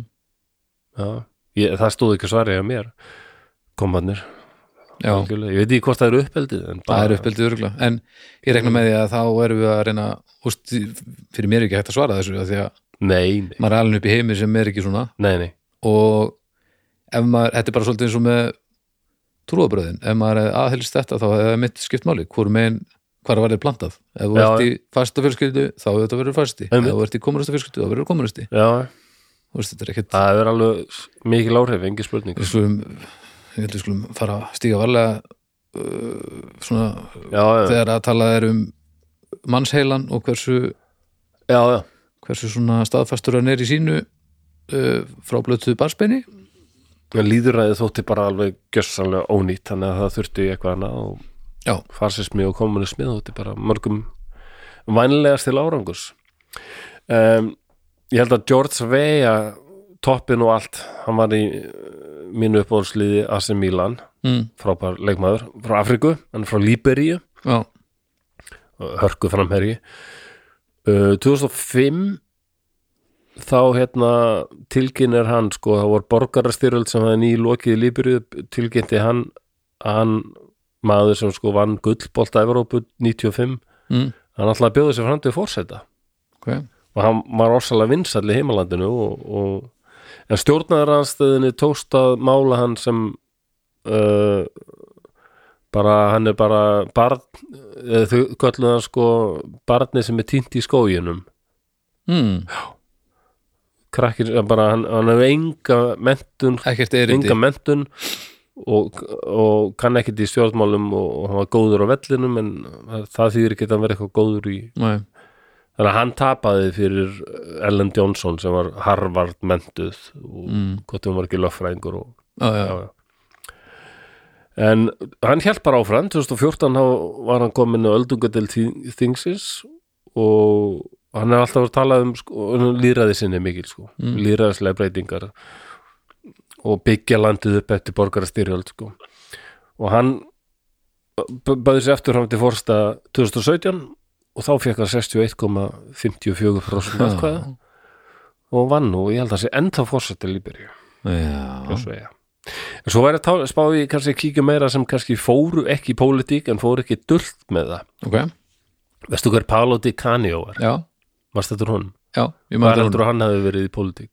hvar, Já, byrju uh, uh, ég man ekki hvers lensko var hann var, hann- suður, Ítali hann var Ítali Já. já, ok, ég held að það hefur verið Suður Amerika uh, Mjög skapeitur Ítali Já, já, já, já, já þi- það er smá það er smá skapiti oft í, í leikmönum hann í söður, söðurinu líka ég Já, held að hann hefði verið Argentínu kannski eða eitthvað en eh, og fór hann politík bara heima við það hann fóru ekki í pólitík en hann hefur aldrei farið dult með hver hann stendur í pólitík ok hann fór ekki í politík samt Nei, og hvernig var hún tekið í því öllu saman? en hvað, hvað heldur að hann hafi staðið í pólitík?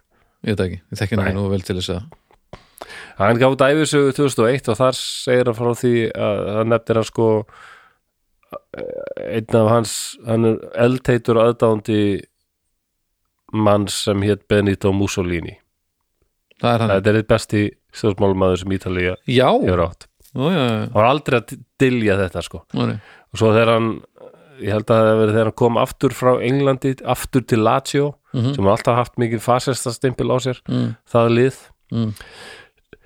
Eh, og eru meira sem með svona daldið fasist merki, það er svona örn já, já já, en ég meina, þú veist eh, sko, í, Örn ja, var það samt fyrst, ekki fasískur fyrir en eftir smá fyrsta leiknum þegar hann komin aftur til as, as, nei, eh, til Lazio já, þá heilsaði með því að lifta sko hægri hendi Ó, bara nei. upp Sva, bara fasista kveðu bop, bop og, hann, og þá var hann spurður bara fréttastofan ítalska spurðan bara hvað, var þetta fasista kveða? Já, já Ertu fasisti? Ég er fasisti, sagði hann. en ég er ekki rasisti Þetta er rómversk kveðja sem sagði hann, sko. og það er enda rétt hjá honum Rómverja byrjuðu með þetta Já, já, Nasistar en- tóku þetta upp já, eftir þau. já, en samt ég Ég, Það er meina, alltaf annað baldur, já, en sérðu ekki munin þetta er samt Ekki lægi með því maður þetta er samt svona, ég má gera þetta af því að, af því að ég, þetta Já. kemur þaðan en, en að, að sjálfsög vitallir að hvað þetta hefur, hvað þýðingu þetta hefur í augum eiginlega allra í dag sem þýðir að þú ert að stuða Það kemur honum ekkit við baldur Hann var bara, hann var hann að rómverji að heilsa eins og rómverjar höfðu gert sko alveg frá þjörglega löngu fyrir krist já, já, og þetta var kveðja frá félaga til félaga Mm, og já. þetta var, þetta, var- hann, sagði, hann sagði þetta sko já, já. þetta var svona bara hefðbundu kveðja frá félaga til félaga Mm. og ætluð mínu fólki og engum öðrum sko. mm -hmm.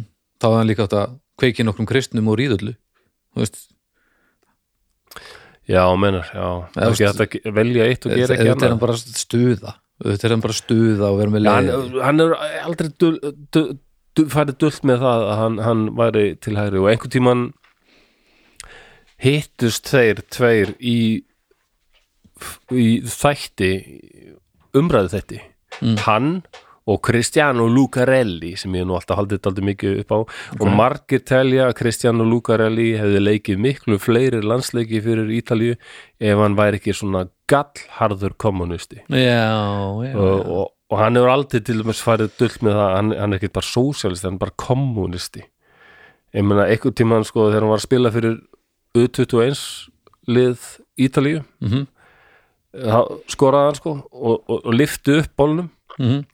og hann bara, mynd, hann bara andlitið og tjekkið vera já, já, ekkert annars já, við erum bara, rauða stjarnan já, og allt. já, við erum bara þar já, að- bara, bara rauða stjarnan sko Vá. og hann kemur frá Líf Orno sem er alveg, hefur alltaf verið svona mikil yðunar verkamannaborg og kommunistar hafa alltaf verið mjög sterkir þar og mér Ok. okay. skilst að að Líf Orno sé ennþá mjög svona það er mikið um aktivista og svona, ég væri, ég væri fenegjum fyrir nokkrum árum þegar hann voru að spila þetta í tengslu við eh, Biennale, þarna fenegjar tvíæringin listaháttíð já, heyrðu Þá- hvað það þá var samfærdi hitti ég- já hjá mér þá hitti ég tvo í Ítalíi sem hérna voru greinilega mjög miklir aktivistar sko, annað þeirra var bara með svarta alpáum með rauðri stjörnu og, og við lendum okkur í spjalli sko, þeir voru eldheiti kommunistar og ég spurði það einmitt um eh, Kristján og Lucarelli og Líf Orn og, og þeir voru mjög eh, ánæðir skildi þekki hann, hann var alveg greinilega heitja fyrir þeim sko, Já, já. stórkostlegum aður, stórkostlegur Já, já.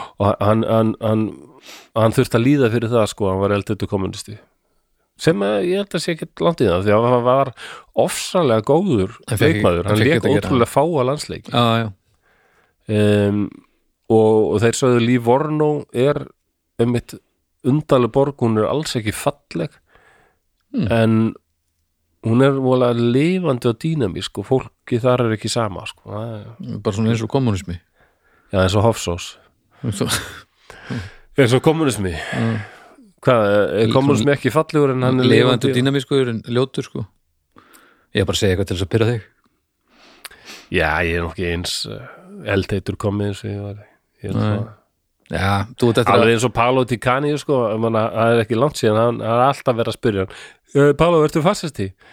og bara, það er ekki langt síðan hann var spurður um þetta og hann sagði, nenni ekki svaris að já, já, vill ekki svaris já, þannig að hann er ekki jafn eldheitur sko en Lucarelli sko og þegar hann, og hann, hann lék með einsum liðum og snýri náttúrulega aftur heim til Líf Orno, heimabæjarins hann er frá þessu kommunista já, já. bæ og þá tók hann númerið 99 af því að árið 1999 var stopnaður svona últrahópur sem var alveg eldheitir fanatískir aðdöndur Lívorno Mm.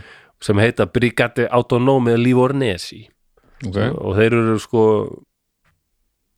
þeir, þeir mæta bara með rau- hamar og sigð og svona bara það er allt raukt og já, og það er að gegg, geggjað þetta líf orn og já, yfirleitt ekki verið sömu deild og Lazio en það er mjög heitt oft þegar þessi lið mætast af því að ok stöðnir sem er Lazio og alltaf þótt svona frekar Já, hvað? það eru svona fasista já, kvæði já, já, já, sem við samt aldrei fyndið að því að Róma er eiginlega meiri fasistasklúpur já. heldur en Lazio að því að þegar fasistarn hafði völdum þá hugsuðu þeir sko í, í Róm voru fullt á knastveituliðum Mhm.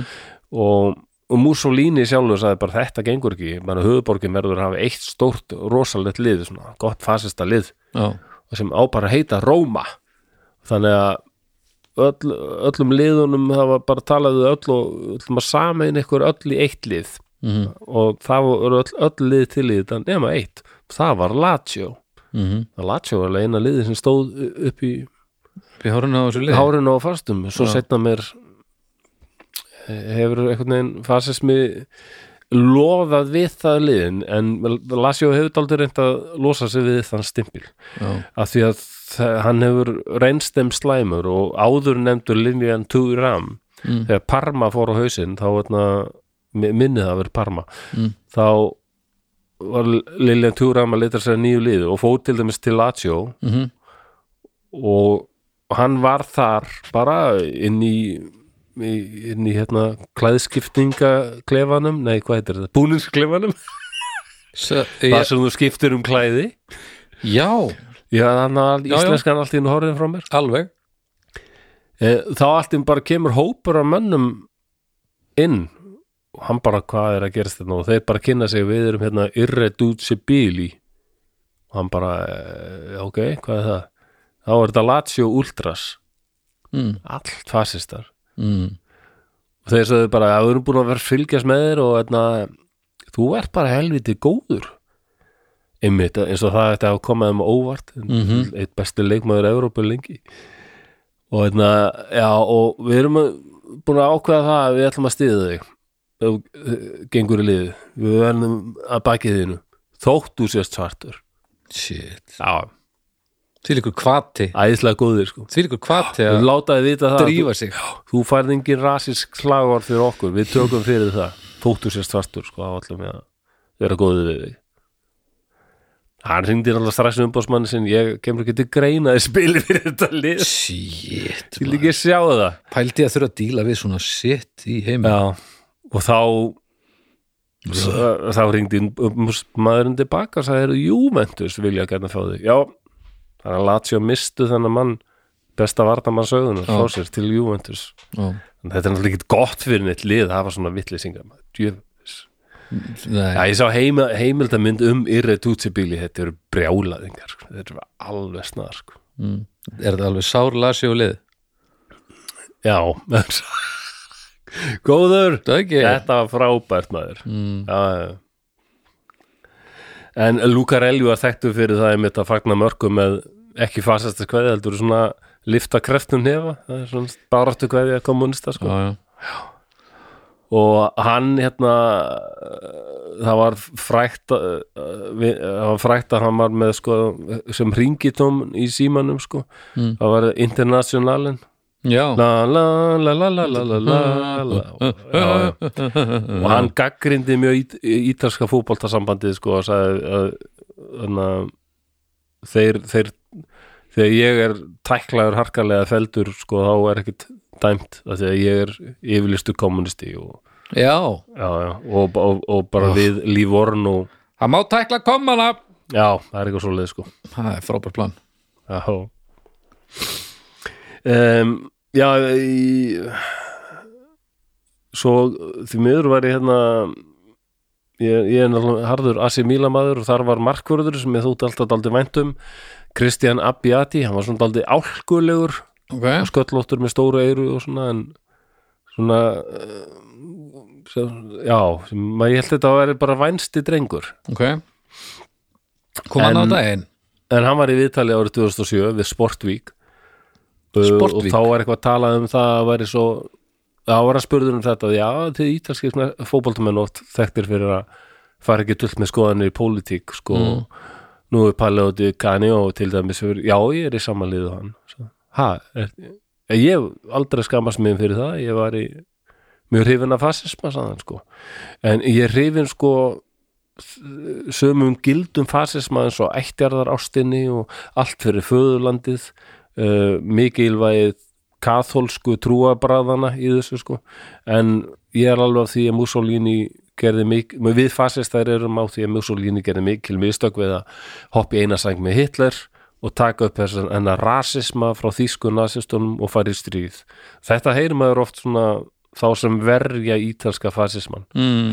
þetta var gott Mussolini- Alveg já. Já, Svo kom bara Hitler og heila þetta maður já mús, akkurat, húnum er kemdu það sko. Mussolini var að gera frábæra hluti en hann lætur undan þrýstingi frá þessum ógeðaskalli hérna í norðri og Þýskaland dregur Ítalíinu í stríð sem þeir vildi ekkert fara í og voru ekki tilbúinur í og þá eðilegist allt og, Mussolini var að gera og fasismi frábæra gekk ekkert út á gyðingorsöndir, það er reyndar heilmikið til í því Mm. það voru alveg gyðingar í fastaflotnum það, það var- var ekki það var fyrst og fremst stjórnmálaafl Já, já.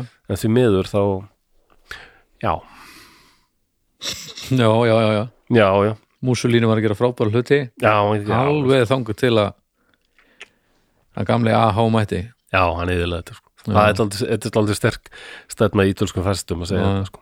Þetta var alveg ágætt, þetta var ein, einmitt það sem Ítalía þurfti sko. það var allt, allt á réttu sko. Róli, róli Rífið upp bara með látum og ættjarðar ástin og, og Ítalía ba- ba- ba- ba- ba- flott lög, flott lög og Já, einmitt svona eitthvað Ég ætlaði að loka, ljúka þessu með að minnast á aðalgæjan af þeim öllum Holy moly, Maradona Maradona Já, Já, Eh, hann alltaf þekktastu fyrir svona óheilsusamlega lífverdi, það var mikið fókusir á ást hans á hvíta duftinu og hvað hann varð feitur og voðalegur eitthvað hveiti er helviti óholt sko ha, hveiti já, nei, nei, ég var nei. reyndar að, já, jú, jú hann hefur örgulega, eða mátt passa sig á glúteninu og hveitinu en Já, ég gleymi því bara ekki að Bjarni Fel sem dóðum daginn, sko, þegar hann hérna var að lýsa ykkur um leik sko, og argentínska landslið mm. og þá voru við að taka tvo menn af velli nú það eru einmitt þeir kókaðin bræður eh, Maradona og Donadoni sem fara af velli þeir kókaðin bræður þá höfðu þeir báðir sko verið búin að lenda í miklu vesinn út af Livia já, já, skandal þeir kókaðin bræður Donadoni og Maradona það er mjög gott já, já. Kokaini heilaði ég var alltaf sjokkar að þeir Bjarni Fjöld dó sko. ég fatt alltaf um þessi maður spilaði stóra rullu í mínu lífi Já, heldur betur algjörlega sko. hann átti mikið þátt í að Bæði í því að Ebla ástmanns á fótbolta Já, bæði þar sko sem raunverulegu maður og sem fígúra sem að grínistar eh, kóperuðu reglulega já, þannig að hann var einhvern veginn líka partur af þróunum hans sem þú veist að hafa gaman að því já, já, Þannig að þetta var margslungið sko já, já hann var Latti var alveg fræðu Já, heldur betur maður já, já. Já, Um, Maradona fór aldrei dult með það að hann var langt til vinstri sko. Já. hann var alltaf besti vinur sem var Fidel Castro sko. já, já, menn hann með, með lét sko hérna húðflúra vinstri fótinn mm. og hægri fótinn á sér vinstra megin var Castro hægra megin var Che Guevara já. já, já, já Ég veist finnst þér ekkert skrítið ef ég myndi þú veist, láta fl- húðflúra þig bara á kálfanum mér jú, já, Við erum alveg góði vinir en þú veist var ekki pínu svona eitthvað, hei Flósi, sjáðu ná, það er aldrei svona uh. Já, En Nákvæmlega. hérna, ægimann því ég var á tónleikum hérna, í- á Roskilde fyrir mörgum árum síðan Mm. uh, og, og sá s- ma Marilla Manson var að spila og ég sá stelpu sem var með tattoo og ég get svarið það, við vorum sko þrjú saman sko og við vorum sammálum það, nei, þetta, þetta er hann hún var með tattoo af Twiggy Ramírez bassarleikara Marilla Manson já, og maður bara, hvað er ekki Guð ég meina, er, er engin er engin heiminum eitthvað staðar sem er með tattu af Baldur Ragnarsin eða Snæbindur Ragnarsin skálmöldur eru kannski ekki alveg komin á ekki af okkur nei. nei, þú veist Ah. það eru skálmaldar tattú já en það er ekki bara eitthvað hei, það, balli það er alveg það er munur hérna Já, já. ég er alveg sammála því þú veist, og, og ég veit alveg að Castro og T eru fígurur sko já, já. en ef þú ert vinur þeirra þá máttu eiginlega ekki fá þér svona tattú nei, það er skrítið það er heiðarlega að Já. gera ef þú þekkir það ekki sko en hann var grjótharður sko aðdáðandi áður en hann kynntist honum sko já, hvor, bara strax, hana, Maradona Maradona Castro aðdáðandi Já, Castro var bara hitti hans eins og, og Maradona er sko, hann leik fyrir Boca Juniors Mm. uh, hann byrjaði reyndar með Argentinos held ég, já, en Boca Juniors var, það er aldrei komið til greina að Maradona fæði til River Plate held ég, já, um, þegar það er svona yfirstéttaliði í Buenos Aires, en Boca Juniors er alveg verkamannaliði já og hann var Mhm. alltaf grjótharður Boca Juniors mætt á alla leiki og var hérna öskandi og eifandi já, alla tíð Já, já, já, lungar þegar hún hættur sko. uh, og hann, þegar Hugo Chávez verður hann var fórsætti alveg, Venezuela hann var alveg full bókað júniðus Já, hann full já, nákvæmlega þegar Hugo Chávez verður fórsætti var nú ekki Venezuela og allar að þjóðvæða allt og svona já, sósialísera allt já, sko. já. þá er hann studdi hann gífulega sko Mm. og og Maradona þreyttist á ekki að, að tala ítlum bandaríkin sko Nei, nei. eh, og hann- þegar George Bush var hvort sem fórsti þá alveg sko og heimsótti Argentínu sko þá fór Maradona og náttúrulega allir Argentínu menn fylgdist með Maradona bara frá því hann vatnaði þá, þá því hann fór að sofa Já. sko. hann var bara svo mikil fígúra já, bara algjör góðs sko. Mm. og þegar Búss kom 2005 til Argentínu sko, þá alla heimsóttina þá var Maradona í stuttermaból sem ástóð bara stopp Búss Mhm. já, og hann, hann kallaði hann sagði bara sko uh, hann er, uh, þessi maður er rusl, he's human trash já, já, já Þetta er, já, já, þetta er og 2007 kom hann þetta er í bara... bara- sjónvarsvital og sagði bara ég hata allt sem kemur frá bandaríkjunum já, ég hata bara af öllu mínu mætti ég, það er ekkert land á jörðunni sem ég fyrirlítið hata ekki neitt nema þetta bandaríkjun já, já. bara, og og sama dag og hann sagði þetta í viðtali sko, þá, þá hafði hann samband við hérna þá hérna, fór hann í íranska utaríkisraðnæti sem þá átti mi mi miklum deilum við bandaríkin eins og svo átt áður Mm. og, og gaf þeim áritaða skirtu óvinnir óvinnir óverða minnar vini, vini Vá, mínir vini, mi- vini mínir Þú bara það ekki, ég get ekki lengur talað Ó, en það er sér þáttu búin, það er ágætt já Já, það verður gaman að þessu, verður þetta ekki alltaf langt já, nei, nei, þú ert alltaf langt Ég er alltaf langt, Eik, já, þetta var bara passlegt já, ég vona það Helviti gott ég kom svo seint í vinnuna þannig að Já, já, já, já, stend á ferðin í dag þið svafið við mig Já, já, það er eins og en, það er, eh, Svona gengur þetta stundum og þið vaknaði þá aftur eftir að skrifa heil mikið Já, þetta Já. eru erfið tímar Já, mér finnst þetta eitthvað þessi mál hérna Eigendorf og Sindelar sko, hvort að Stasi og Gestapo hafi myrt á sko. Já. það er það er ekki, það- hvað hefur að segja þegar að eitthvað við kemur leinið þjónustum þá er þetta ekki einhvern veginn svona langsóttustu samsæriskenningar Nei. í heimi Nei, kannski ekki sérstaklega þessum tveimur sko Nei. ég meina þetta heitir leinið þjónusta Já, það er rosa auðvelt að- að að búa til frekar bara líklegar uh, samsæriskenningar um eitthvað sem heitir leinið þjónusta já, af því að þetta er eiginlega bara sem gera sko það er svona leini já, já. og að það er svona þjónusta líka Mér er svo jólaböllunum hjá Stasi Þetta þá er svona sungu þau, 50-50 "Göngum leyni- við í þjónusta." kringum leiniberjarun wow þetta var gott Þetta var ekki gott Já, maður. þetta veit Já, Mér finnst það uh, Það er allt leini sko Já, já En hérna, já, þetta var skemmtilegt Þetta var það Og uh, áhugavert að sjá mismunandi nálganir á að að láta vita hvað mann finnst Já, ég, ég meina emmitt Já, við erum líklega sammála um þetta meina, er alveg allt frá því að þeir hérna, íþróttamennir á olimpíuleikunum með svörtu hérna, heilsuð með svona Black Panthers kveðju þetta, eh, pólitík er alltaf verið Já, já, og póli, er pólitík ekki líka bara dálítið þess eðlis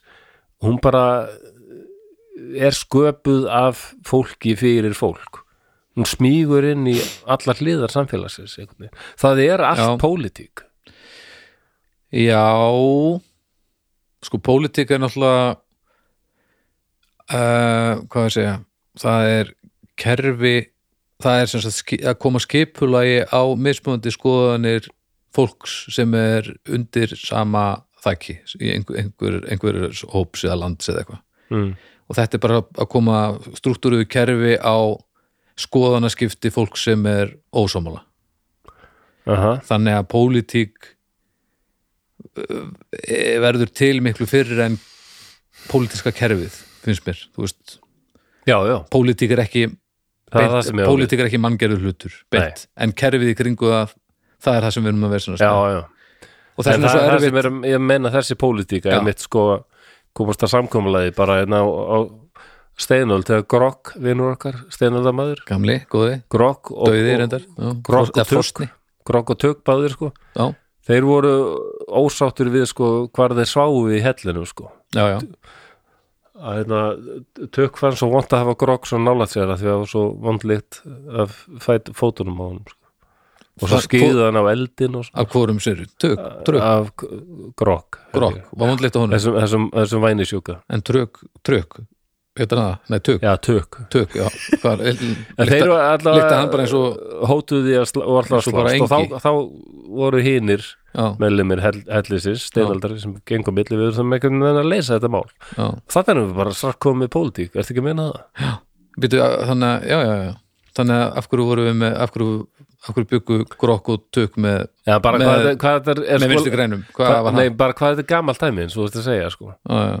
að þetta byrjar sem Af hverju þetta segja að sjálfstæðismenn búi, hafi búið í helli hvað ég skil ekki nei, ég sagði það aldrei, þetta byrjar sem Nei, já. þess að það er innan að, að leysa vandamál hefði ekki, Já, er það ekki það sem pólitík jú, jú, jú og láta þetta bara ganga upp einhvern og sko fyrir mér er þetta hugtak pólitík það á þá við sko um ákveðna tegund af e, samtali um, þú veist, það er eitthvað svona sem kemur við sem kemur að hlutum sem að hefur áhrif á stærri hópa fólks Já. að meðan, þú veist, við að rífast er ekki beint pólitík en það er náttúrulega lútir sömu lögmálum en það er annað sem er undir og markmiðið er annað Já, en ef við varum að rífast og við varum svo satt steinaldamenn í helli þar sem allir þurfa daldið að að vinna saman og, og til þess að fella mammút þá þurfa allir að vera daldið í góðu stuði og s- samhendir Já, þannig að þetta hafi byrjað sem svona að leysa, þetta, að deilur grokk og tök mm. voru farnar að hafa áhrif á sko Já ég held að heil, heildina á samfélagi Grokk myndi örgulega þú veist, hann myndi örgulega uh, uh, nei, ég held að Tugg myndi örgulega hjálpa Grokk að að fella hana mammút ef að Grokk myndi kannski færa sig frá eldinum en kannski myndi Grokk færa sig frá eldinum ef Já. Tugg myndi hætta að vera svona mikil vælukjói yfir því að, að hann fá aldrei hjálp við að fella mammútin af því að Grokk Já, er já. kannski alltaf að fella mammút einn en Tugg er bara eitthvað að væli yfir því að að hann fá ekki að sofa þar sem Grokk er svona verða leið og svo bara hellinu fullur af einhverju sjálfstofismönnum og vinstri grænum Já, og já. eitthvað ofanulega að reyna að segja um að allt sé í lægi og þetta er bara óþólandi fyrir tök og grokk svona verða leiðtóa líklega til já, Bara hafa eitt sem sker úr um mm. En já, en þetta, já, þetta var skemmtilegt ok, cool og hérna- Látum þetta Heyrðu, við um eftir að Já, það, þetta, er- þetta er opin þáttur það, já, vinnum við nú erum við hérna í opna það er komin desember við erum að opna strömmnum og eh, uh, við ætlum núna að þakka fyrir okkar yndislega fólki sem að hefur verið að, eh, að styðja okkur á uh, Patreon og það fólk er, já, basically ástæðan fyrir því að, að við erum enn að gera þessa þætti það er ekki flóknari svo þar inni uh, eru vikulegir þættir og uh, þessi þáttur sem þið voru að hlusta á núna hann er eh, einfallega í, í bóði eh, bóði þessa endislega fólks eh, inni á, á Patreon en nú ætlum við að þakka fyrir eh, þakka nýjum djáknum og, og flósum þorgisbólum síðan síðast Hva, af hverju hvað ertu að gera, ertu að Ég, ég er að ka- kalla fram uh, Já, já, ég- anda, forn anda Eh, Satan í sér að hugan Svo Já, ég geti já, já, lesið aftur- aftur á bak við þinn. Já. já Uh, herðu, það er uh, Sandra Ingvaldsdóttir Arnas Rittóts Rafgni Ó já, takk fyrir uh, S, Ha bara eitt stafur S, S Se Já, mjög gott, takk fyrir Se Magnús Hafsteinn Sungab Sungam Njetsfa Já, mjög gott, takk fyrir Herðu, Björgvin Steinþórsson Nifgraup Mhm. Norsróð Njets Já Og uh, Björgvin er, er Flósi Þorgeinsbóli takka Elsku- já, fyrir það, þakkaði elsku fyrir drengurinn uh, Bjöggi er bestur uh, Melinda Adnilem Já, þessast M L, E, já, M Linda Já Adnil Me Já, takk fyrir Sigriður Jónsdóttir Röðirgís Rittótt Snói Ó, já, takk fyrir Brynhildur Yrsa Röðnil Nirb Asri Ó já, takk fyrir það Haldur Arinbjarnar Rólla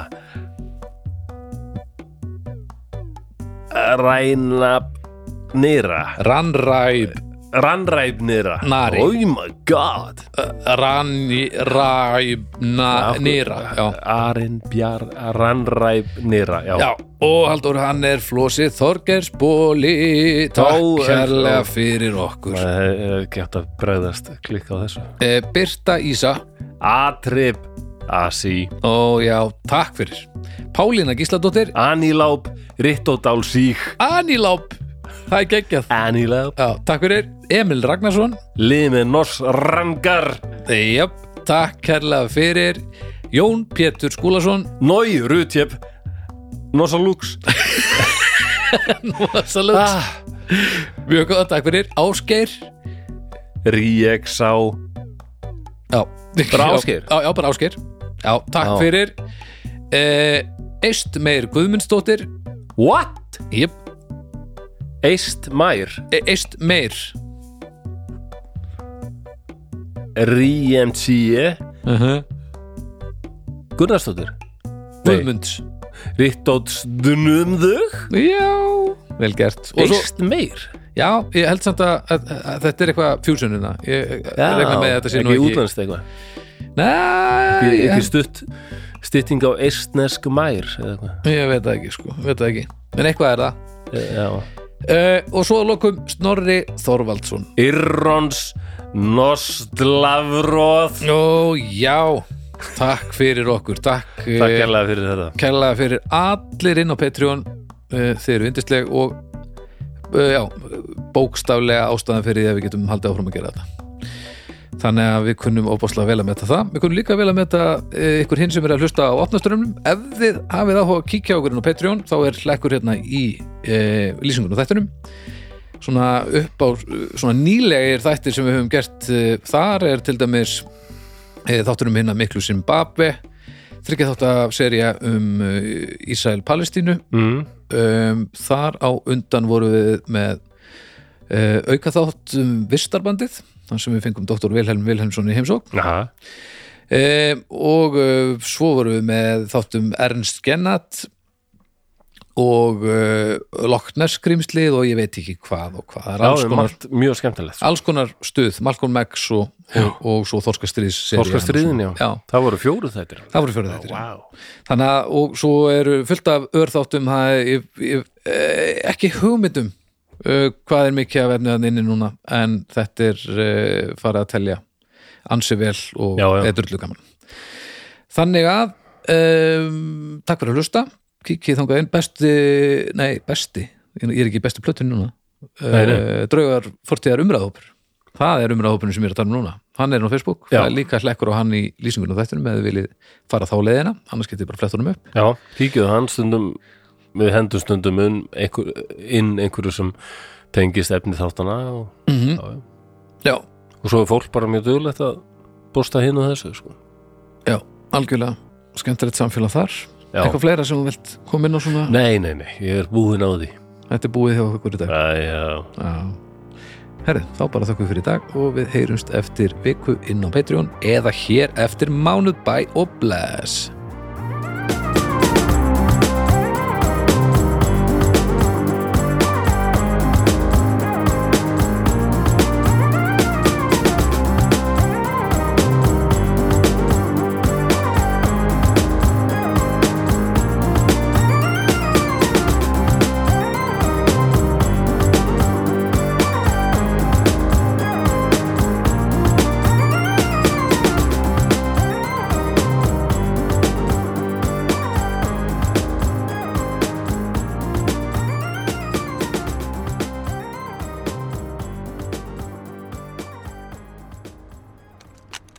Sjóvá tryggir rattirnar í höfðun á þér.